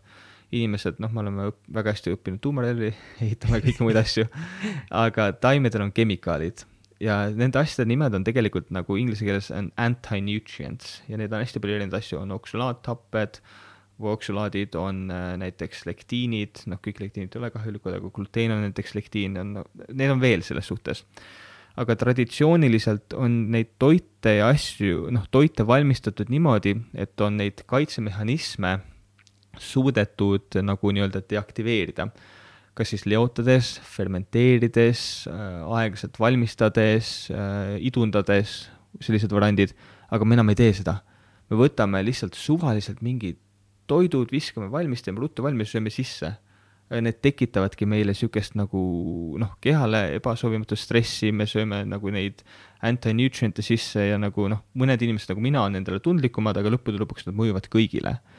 kui me võtame näiteks lektiinid näiteks, ähm, noh, psoriaasist ma saingi lahti, et ma pidin eemaldama maavitsalised. maavitsalised on inglise keeles nightshades need on need siis Ameerikast äh, sisse rännanud äh, juurviljad põhimõtteliselt nagu nagu näiteks tomat, baklažaan, suvikõrvits, kartul, et tegelikult noh. super, sa pärast võtta. aga neid asju. mul on ka see pea, peas on psoriaas ja ma olen nagu noh, selles mõttes ma ei ole üldse väga tegelenud sellega, sest ta on nagu siin ja siis kuidagi nagu noh aga nagu tore, nüüd ma pean mingist asjadest hakkama loobuma. sa võid katsetada, vaata, mis toimib, kaks nädalat teha seda et selles suhtes neid asju saab optimaalselt süüa, aga neid peab optimaalselt valmistama, et kui sa näiteks oma vanaema vaatad, kuidas tema tomatit valmistas, noh, tõenäoliselt võttis tomati, keetis ära, võttis koore maha ja sest tomatis on koores ja seemnetes on kõige suurema kontsentratsiooniga neid nii-öelda antinutriente, mis neid kahjulikke asju tekitavad sulle. no need mehhanismid, kuidas need tekitavad ja toimivad, neid on nii palju ja kõike muud, see läheb nagu liiga pikaks, see on jällegi podcast omaette aga noh, kartulis ka jäetakse, noh, enamus asjades on koores ja seemnetes on need sees, et noh, tegelikult kartul tuleks ka ikka nagu alati ära koorida, kui sa sööd seda. nii veits nagu, nagu mingid allikad väidavad just vastupidist, et koorte sees on nagu kõige rohkem just nagu meile kasulikke. võib-olla äh, mõlemaid siis, aga mõnes mõttes oleks loogiline, et seal on siis kõike kõige rohkem. jah, et selles suhtes, et nagu samamoodi räägitakse täisterast ja muud, okei okay,, jah, täisteras on rohkem neid kasulikke asju, aga sa ei omanda neid sealt, selles suhtes, et nagu see noh, ajalooliselt vaatad ka, et eh, ikka nagu rikkad sõid rafineeritud asju, teistele anti nagu vaestele, sellepärast et teistele tekitas nagu siukseid eh, noh, eh, gastroenteroloogias nagu probleem, gastronoomis nagu probleeme, gastrointestinal, jah, probleeme seedimise, kõikide muude asjadega, et see nagu märgati ja siis ongi see teema. et üldiselt nagu me ei lagunda täistera kiudainet ja täistera ei ole tervislikum ega optimaalsem asi kui mitte täistera. pruun riis ei ole parem kui valge riis, täistera jahu ei ole parem kui tavaline jahu lihtsalt nagu sa, sa ei omanda neid asju, need kiudained lähevad sinust läbi, nad veits kahjustavad sind ja kõike muud ja noh, riisi puhul noh, seal sihukeses nagu äh, nagu loodusringides räägitakse, et riisi tohiks üldse süüa, et see on arseeni mm. täis ja kõik muud teemad, aga noh, see arseen ongi pruuniriisi äh, selles nagu hallis, selles kiudaines sees kinni, et valge riisis ei ole seda probleemi. põhimõtteliselt nagu pole siis vahet, et kas ma söön seda tavalist pastat või täistera pastat? pigem tavalist kui sa pastas, no ära üldse pastas ei, ma mõtlen kui aga nagu pigem, siis pigem tavalist, see on su seedimissüsteemile parem, sest sa ei, täistera pastas sa ei oma neid kasulikumaid asju tegelikult, need lähevad läbi sinust. nagu siin ongi nagu see, et vaata, me räägimegi nagu erinevatest otstest. Ja, ja, ja ongi vaata, et me peamegi alati elus nagu kaaluma, et, et okei okay,, et kui siin on nagu midagi head, aga mis on need negatiivsed küljed kui me selle nagu, kui me keskendume, see on nii palju me keskendume ainult selle ühele küljele, mm. vaata. siis tekibki arusaam võib-olla, et igas koores on kõige paremad asjad, on ju mm.. võib-olla, no ma nüüd ei tea, võib-olla seal koores on kõige rohkem neid asju, aga kui seal on kõik muud asjad ka, on ju. mingitel toitudel on kindlasti yeah. koores kasulikumad asjad, aga kindlasti mm -hmm. kõikidel toitudel mitte. maavitsad on üks näide selles suhtes. mitu nurka, jah. ja samas paljud asjad on nagu toorena väga palju paremad, aga paljud asjad on kokates väga palju paremad mm. -hmm. Selles suhtes, et need tulebki nagu valmistada ja noh, kultuurselt on neid asju, kõige lihtsam ongi vaadata, kuidas neid asju on kultuuriliselt valmistatud, kuidas neid asju on ajalooliselt valmistatud nagu mm,. nii põnev, aga siis, siis otsustasid, et et sa ei taha enam vegan nüüd olla, oota, millal sa siis ära no, lõpetasid? just hiljuti äh,, väga aeglase algusega oli märtsikuust okei, no siis vähemalt mitte nagu üleeile on ju. no tegelikult suht peaaegu üleeile, aga see oli väga, ma otsustasin märtsis, et ma ei ole enam vegan, aga no esimese mitte vegan toidu vist sõin nagu alles mingi juulis no me oleme aasta, aasta aega ka olnud nagu suhteliselt ikkagist nagu, no ma ei saa nüüd öelda sada protsenti vegan, sest vahepeal kuskil on ikka mm. mingit muna või mingit piima mm., aga nagu ikkagist olnud ikkagist nagu üldjoontes veganid mm ja siis nüüd ka üleeile me olime mingi davai, nüüd me läheme, hakkame juustu sööma mm. ja nüüd me hakkasime lihtsalt üleeile mingi lihtsalt lambist juustu sööma. noh, piimatooteid ma ei. jah, ma olen nõus nagu, ma olen üld, see oli üks põhjus, miks me hakkasime veganiteks, kõigepealt oligi see, et piimatoodetest loobuda, tegelikult me loobusime piimatoodetest veel enne, kui me veganiteks hakkasime, kõigepealt me loobusime piimatoodetest ja siis alles me loobusime ka nagu lihatoodetest, tegelikult meil, meil käis üldse vastupidi. aga see ei ole see, et ma nüüd vegan, enam ei ole vegan ja heidan kõik need nagu asjad, põhimõtted, mille eest ma seisin mitu aastat nagu kõrvale. sugugi mitte, et nagu mitte veganina ma ikka eelistan taimset, enamjaolt söön taimsena vahel tutvustan äh, sisse, noh, selle üle on jälle vaidlusi, mina teen seda, mul muidugi üks sõber äh, Robert Noor ütleb, et ei, ei, ei ja tema ei tee seda. vana hea Robert. jah, et äh, tema, noh te,, tema muna ei söö, aga noh, ma, ma org-, nagu selles suhtes, et kui ma saan kuskilt vabalt peetud talukana muna, siis ma seda tarbin. kui ma saan kuskilt allikavees kasvatatud naturaalset ülipuhast ökokala, siis ma seda tarbin, Läänemere kala äh,, sellest just oli mingi, just peavoolumeedias oli ka artikkel, et nagu et mingi Eesti teadlased, toitumisteadlased olid välja uurinud, et äh, mingi ühe suutäie Läänemere kala võid vist kuus süüa, et ta ei oleks sulle toksiline. ja, ja, ja see on ikka päris, päris karm. ja siis noh, ja liha, kui ma hakkaks sööma, veel ei ole söönud äh,, mu isa on jahimees ja siis oleks, reegel on, et ainult omaenda isa jahitud liha. okei okay,, et põhimõtteliselt siis natuke muna, kala ja võib-olla veits liha. ja võib-olla. veits liha, kui kunagi tuleb, jah. kui kunagi tuleb. aga ikkagist nagu mitte piimatooteid, mitte nagu seda kõike, onju. Mm. et siiski lähtun nendest tervislikest jaa, sa oled ikka suht ripped as fuck, nii et jätkuvalt. ka saate lõpus nagu et, et nagu põhiliselt ikkagist nagu taimne toitumine on ikkagist nagu. aga see ole mingi Ott Kiivike siin, eks ole, selles mõttes nagu, et no ma ei taha nüüd vale pilti küll luua, aga sa oled väga heas vormis. kes videot ei vaata. jah, täpselt vaadake, minge vaadake pilte. Instas on sul pilte, jah? vaatame neid vaatame neid. blogis, selle pildil jääb blogist, minge parem blogisse, minge parem blogisse, okei okay,, nagu. okei okay,, jaa, sorry, me peame vist lõpetama. tegelikult nagu me ei pea otseselt lõpetama, ma pean ära minema me, me jääme, teeme siin Andriga. me jääme siin, me peame selle nagu kuidagi paika saama, selle asja, et nagu me peame tegema neid podcast'e niimoodi, et meil on tegelikult see ajavaru on nagu mm. alati nagu topelt me nagu arvestame sellega, et, et kui me võtame kaks tundi, et siis me teame, et tegelikult meil on neli tundi aega, et noh mm., kui võtta. mõnikord sa räägid kiiremini kõik ära, mõnikord nagu tahad lihtsalt minna, sinuga on nii põnev vestelda ja mulle meeldib sinuga väga rääkida, sellepärast et sa oled väga hea rääkija. sul on väga hea, sa ikkagi väga palju nagu oled ilmselt kunagi vaeva näinud või siis mitte, ma ei tea, et eh, üles ehitada väga hästi sõnastatud eh, lauseid. mulle väga meeldivad sinu laused ja, ja sinu ikkagi eh, nagu selgitusviis mm -hmm. asjadele et, et sa kindlasti kasutad nagu palju keerulisi sõnu, aga sa oskad ikkagi neid nagu siduda selliste arusaadavate lausetega, et ma ikkagi saan enamjaolt aru täiesti, mida sa räägid ja. ja mulle väga meeldib ka see, et, et sa nagu tood alati, mitte alati, aga sa paljudes kordades tõid välja ka selle teise poole nagu, et sa ei preisi midagi niisama, vaid. et ongi, et noh, sellega on, need on plussid, need on miinused et see on hästi meeldiv, on nagu mul täiega nagu kõvaks läheb sihukest peale ja viimasel ajal ma olen nagu täheldanud ka, et, et mingid noh. Eh, Jordan Peterson ja, ja siis see issand, kes see tüüp on, kes nüüd teab väitlega, ta on eh, juut oli ta vist üldsegi ja ta on. tule nüüd, Tim Shapiro, kurat, mis ta nimi on, Ben Shapiro ah,. Ben Shapiro, jah. ja, et lihtsalt sa kuulad neid rääkimas mm -hmm. ja nende rääkimine on niivõrd nagu noh, nauditav see on mm. niivõrd mõnus ja mulle ka sinu rääkimine väga meeldib. ma väga tänan, ma ei ole varem niimoodi podcast'is kunagi nagu külalisena käinud, aga ma olen hästi palju podcast'e kuulanud ja siis see Tim Ferri see nagu mm -hmm. maneer ja rääkimisviisi ma olen nagu ise väga austanud ja siis kuidagi noh, seletustes veidike pean selle võõrsõnade kasutamise kohta veits nagu lihtsustamise kallal veel vaeva nägema.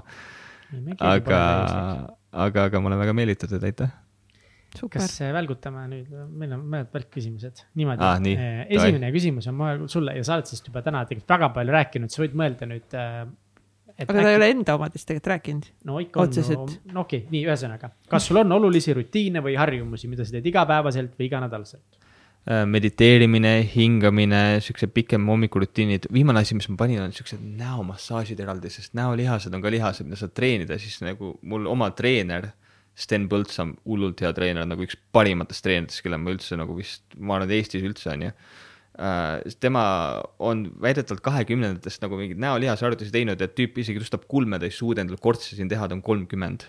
ja tal ei ole lihtsalt kortse, ta ei suuda neid teha ka enam, sest ta on nagu nii palju neid näolihaseid treeninud, sihuke täielik beebinägu mm.. ma olen, nüüd harjutan ka, tahaks ka nagu ilusat nahka ja kõiki muid asju uh, siis siuksed õhturutiinid, kõik muud asjad ja praegu iga päev käin trennis suhteliselt ja hommikuvõimlemine ka. mis, mis, kas sa teed mingeid kindlaid harjutusi hommikuti äh,? ja Sten on mulle paika pannud hommikuvõimlemise iga päev pärast, iga päev peale pühapäeva on, no iga päev välja arvatud pühapäev on mul hommikurutiini võimlemine, iga päev erinevad harjutused. milles sa väga hea ei ole uh,? äh, paljudes asjades äh, las ma mõtlen äh,, see on jootamatu küsimus, oota, ma pean nüüd kõik oma siuksed nõrkused, nõrgad küljed välja kaevama, anna mulle hetk aega, saad selle vahelt ära lõigata, selle viivituse. ei, meil, meil ei ole siukseid asju. ei, aeg on, eetris okay. võib olla vaikus. jaa, vaikus ja milles ma väga hea ei ole? ma ei ole kindlasti veel väga hea ma joonistan nii blanki, ma, see jätab nii vale mulje praegu no worries. kõik on, on chill ma harjutan, väga palju harjutan kuulamist, sest mul on hästi tihti olnud ajalooliselt segane inimeste vahel, lendan oma teemaga peale ja ma nüüd ei taha seda üldse teha ja ma suhtlemises tahan olla parem kuulaja, parem vestluskaaslane läbi kuulamise olemisega ähm,. mille üle sa oled kõige uhkem oma elus? kõige uhkem oma elus olen oma selle nagu sama teekonna, mis ma rääkisin, need muutused, mis ma suutsin ellu viia, et ma suudan hetkel, ma olen tegelikult uhke selle üle, et ma suudan elada omaenda seda tõde, mida ma räägin. et ma nagu lihtsalt ei räägi neid asju, vaid ma nagu reaalselt elan seda ja kõiki asju, mis ma ütlen, ma teen neid. mis on kõige pöörasem asi, mis sa elus teinud oled ja kas sa teeksid seda uuesti? Neid on omajagu, äh, paljud asjad, millest ma, mis, mida ma siin eetris rääkida ei saa. taaskord, taaskord alati parimad jaa, see, see on lihtsalt sihuke nagu, jah. Aga noh, selles suhtes, et needsamad, mis ma mainisin näiteks, et eh, lihtsalt käed püsti ja järgmine päev lendan Taisse minema ühe otsa piletiga ilma igasuguste plaanideta ja siis kõik muu, mis sellega kaasnes ja need kaks kuud, kui ma sealt Taist veel eh, New Yorki igale poole edasi lendasin, et eh, kogu, kogu see periood ja kogu see seiklus oli väga pöörane mõnus. kas sa teeksid uuesti uh,? jah mis on edu võti hmm.? edu võti minu jaoks on äh, asjade lahti mõtestamine. me tihtipeale käitume niimoodi, et me ei mõtle ja jumala tihti me ütleme, et me ei oska, ei taha. see tähendab, et vanasti õpetati, et nagu et jumala okei okay on öelda, et sa ei oska, aga tänapäeval nagu täiskasvanu jaoks on see ei oska saanud vabanduseks, ei oska on sünonüüm sellega, et ei viitsinud. Ma ei viitsinud seda paari hetke võtta, et ise seda asja välja uurida. ma ei viitsi oma mõt-, mõtlemist rakendada, ma, ma lihtsalt, ma ei viitsi asju läbi mõelda, kui sa võtad selle hetke, mõtled asjad läbi, minu arust on see nagu edu võti. see on üks parimaid vastuseid, mis meile kolme aasta peale antud on. isiklikult siin lihtsalt. väga teistsugune vastus ka ma ütleks kohe. oota, minu küsimus või mm? -hmm. viimane küsimus või mm? -hmm. Mm -hmm. skaalal ühest kümneni, kui veider sa oled? Ma arvan, et ikka seal mingi üheksa-kümme juures vist, ma olen suhteliselt kahtlane. Lemmikud inimesed. kas sul on ja mis on sinu lemmiktsitaat? minu lemmiktsitaat? oi issand, oota, nüüd ähm, hmm. Mul on viimasel ajal tulnud üks äh, mantra, mida ma olen endale kaks viimast nädalat korrutanud, et äh, kõiki asju tehes, sest ta ei ole tsitaat otseselt, aga ta on, äh, tuleneb äh, Navy silti, Navy Sealide nagu USA merejalaväelaste eriüksuslaste sellest äh, treeningprogrammidest äh,, Kokoro loojalt on see, et slow is äh,, tähendab jah, et äh, slow is, kuidas see oli, slow is smooth, smooth is fast. Et slow is smooth, smooth is fast, et ma ei rahmelda. Nagu ma teen asja aeglaselt. ja sujuv on kiire. täpselt, et ma ei rahmelda ja see, et ma nüüd võtan hetke, teen asju rahulikult, see lõppude lõpuks annab mulle tulemuse kiiremini. samamoodi nagu trennis džitsi tehes, samamoodi ringi liikudes, samamoodi kui mul siia praegu oli kiire joosta ma tegelen selle asjaga, mis mul enda ees, mul oli, ma tulin nagu otse jõusaalist äh,, tahtsin enne siia tulekut süüa ja siis ma hakka-, muidu ma hakkaks nagu mingi toitu yeah. sisse kahmima, võtsin hetke, istusin maha, panin asjad eemale, ei vaadanud seda kella, kaks minutit sõin rahulikult oma toidu ära, närisin korralikult piisavalt palju kordi, tõusin püsti, panin asjad kokku ja kõndisin rahulikult, nagu ma võtsin iga sammu nagu teadlikult ette ja mul lõppude lõpuks arendus oleks olnud kõvasti kiirem, kui ma jooksin kolm korda edasi-tagasi, unustan asjad maha ja kõike muud nagu pead tagana. nii hea, üks sõber ütles ka kunagi, et ära kiirusta eriti, kui sul on kiire. Nagu eriti siis, siis, siis hakkavad nagu asjad noh, nagu autoroolis või kus iganes sa oled, vaata joostes kiirustades nagu siis lihtsalt asjad lähevad veel hullemaks. rahulikult, see on, see on väga hea point.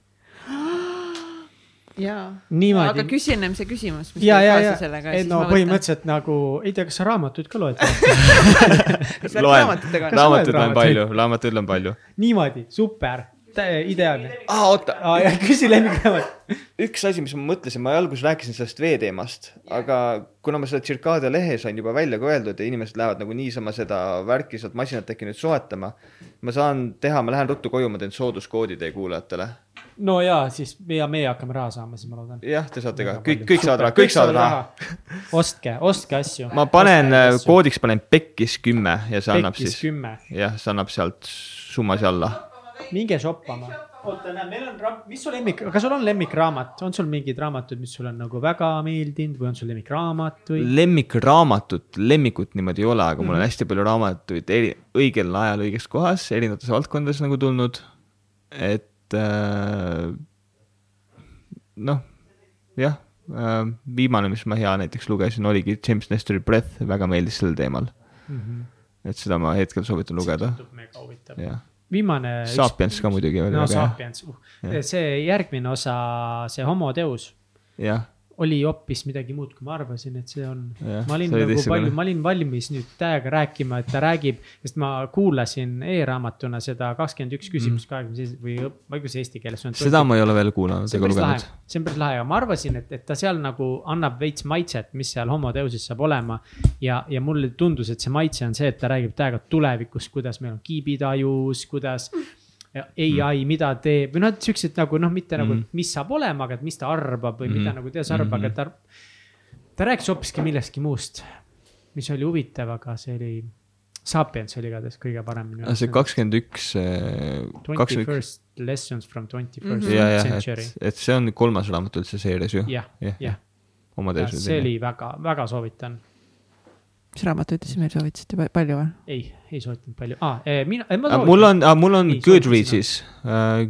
Goodreads on see raamatuplatvorm, mul on seal hästi palju nagu endal to read'is ja read'is ja igal pool mujal nagu. Goodreads, kuidas sind üles leiab, Andre Peetsa? okei, ma, ma tahan raamatusoovitused teha.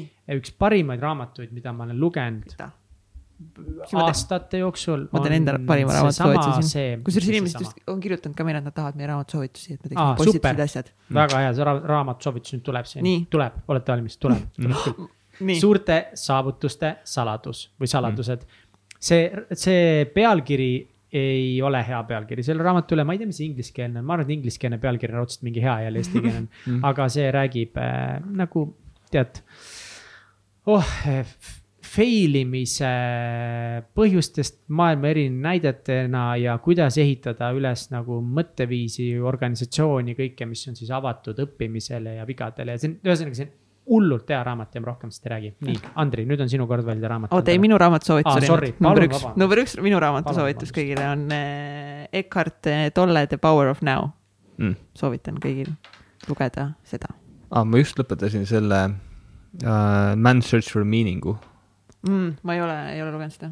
aga mul tuli üks raamatusoovitus ka just praegu meelde. Nice äh,, pange nüüd kirja kõik. see on sihuke siis täielik, see on midagi väga teistsugust, selle on kirjutanud jesuiidis preester, ta räägib seal hästi palju jumalast, aga see on tema tõde, see, seda ei pea võtma noh, niimoodi vastu, nagu ta seda räägib aga see on esimene raamat, mis andis mulle nagu sihuke täielikult pausi, ma loen seda raamatut ja nüüd on nagu mõtlen panen raamatu käes, mõtlen, mis asi ma olen selline, see on sihuke sisekaemus raamat on Anthony de Mello Awareness et see on niisugune hästi lühike, hästi lihtne raamat, aga see on nagu midagi väga teistsugust. Ja see, see raamatul, ma võtsin selle Tim Ferrise soovitusel ja tema ütles, et sellel raamatul on niisugune nagu afterglow efekt, et loed ära ja nädal-kaks nädalat sa oled nagu teises maailmas, nagu kuidagi täiesti teise laine peal toimid.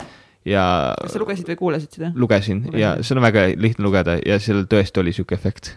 Kuule, ma arvan, et see on mingi uus asi, mida hakkame tegema, et nagu anname saate lõpus alati, kui me siin raamatut jagame, siis mingi igaüks nagu on mingi raamatu saame flex ida sellega, et me loeme, me loeme. muidugi, me, me oleme ka nagu targad. ühesõnaga nii, meie siis asja. toetaja Million Mindseti poolt on eh, kingitus. sa saad valida ühe raamatu enda vabal valikul. niimoodi, esimene valik eh,. Keith Ferrazzi ei ühtki einet üksi ja teisi nippe, et suhete loomisel edu saavutada mm. Mm -mm. nii, Napoleon Hill, saatanat paljastades, see on me kõigile üks lammet pealkirjaga raamatutel nagu, see üldse ei räägi nagu mingist saatanast mm. ega midagi sellest. Napoleon Hill arvates jah mitte. no täpselt, Grant Cardone'i müü ise või müüakse sulle mm. -hmm. Jim Stovall, tulemuslikkuse kunst ja Randy Cage nutikaks, terveks ja rikkaks Outwitting Mul on, äh, minu- raamatu no okay,, sorry. mul on protsess, kuidas ma raamatuid valideerin. Oo, sa nii. mainisid ka, on ma alati võtan raamatusoovitusi nagu podcast idest ja siis üks parimaid protsesse, mis ma algselt endale välja töötasin, on see, et ma guugeldasin most mentioned books in Tim Ferris podcast, sest Tim Ferris intervjueerib maailma tipptegijaid erinevates valdkondades nagu kõige-kõige tipptegijaid. ja siis seal on veebilehed, mis on kokku löönud mingid raamatud, et mitmes podcast'i osas seda raamatut soovitatud on Oh, ja wow. kui nagu mingi viiskümmend wow, nagu wow. maailma tippspetsialisti mm. -hmm. läbi saja erineva mingi valdkonna, kõikvõimaliku valdkonnaga soovitab ühte raamatut, siis järelikult see on mingil põhjusel hea raamat. Mm -hmm. aga siit ma võtan selle ühe raamatu, mis ma olen kuulnud ja ma ei ole lugenud ja kellega ma olen kursis, ma olen Grant Cardoniga kursis, aga ma ei ole seda kunagi lugenud. ja siis ma mõtlen, et äkki võib huvitav olla ja see on praegu teemasse ka. jaa absoluutselt. palun. aitäh, et sa tulid, aitäh, et te et tulite te. tulite. nii l- lihtsalt ülivinge oli, minu poolt aitäh, kõik su lingid, asjad paneme show notes'i. ja peace aga out. ütle veel ikkagist ükskord nagu, kus, kus inimesed saavad sinu tegemistel Ah. pe silma peal hoida. äh,. mul on blogi, on blog.andripeetso.com, varsti kui raamat välja tuleb ja kursus tuleb andripeetso.com ka, aga see hetkel ei ole valmis. Instagramis Andri Peetso, Facebookis Andri Peetso ja siis äh,, mul on uudiskiri ka, mis ma saadan iga reede välja. iga reede või? ja viis siukest hästi väikest lihtsat asja, siuke hästi-hästi easy, hästi lihtne nagu Five Bullet seedida. Friday või? jah, täpselt, täpselt sedasama asja teen. ja siis äh, kas seda saab ootan- subscribe ida seal kodu? jaa, kodublogis ja Kodu- siis Insta, kodublogis jah Nice, nii ja. Instagramis ka Andri Peetso, kus on mul praegu põhiline järgikeskkond. aga seal ma pean nüüd nagu temaatikat muutma, kuna see järgikeskkond on tulnud nagu vanadest aegadest, ma pean nagu tervise peale ümber minema. Et nagu filmiaegadest oli tulnud see. jah, foto, kui ma maailmas ringi jah. trippisin, mingi siuke teema. kuhu sa minema Aga-, ühesõnaga jaa, aitäh, Andri, see oli täiesti imeline saade. Väga tore oli teiega, teistsugune mõnus. saade taaskord nagu see kindlasti ei jää meie viimaseks Ei korraks, kui Andri on nõus, siis me näeme, me kohtume kindlasti Vabalt. temaga äh, meie lavalaudadel, räägime mingist teemast, ma loodan, et Andri on nõus tulema esinema ka inimeste ette. hea meelega, ma praegu just panengi oma esimest siukest asja kokku, millega ma tahan minna. Boom, nii et Andri Peetso nüüd ja tulevikus, aitäh. aitäh, aitäh. nüüd tulevikus siukse, siukse lõpu valmis. aitäh, et kuulasid saadet Täitsa Pekkis. Saade tõid teieni Katrin Hindrikus-Karu. ja Mihkel Vetemaa. tehniline juht Egert Karu. supernatas by Triin Tallo. ÜRO Supreme Manager Kelly Treu ja NASA juhtivanalüütik Kaari Aupaju. kui see saade läks sulle korda ja inspireeris sind, siis toeta meid Patreonis, patreon.com, kaldkriips, täitsa pekkis. tee ära. saadet toetavad United Dream Studios, Tint Disain, Million Mindset kirjastus ja Blender. järgmise korrani.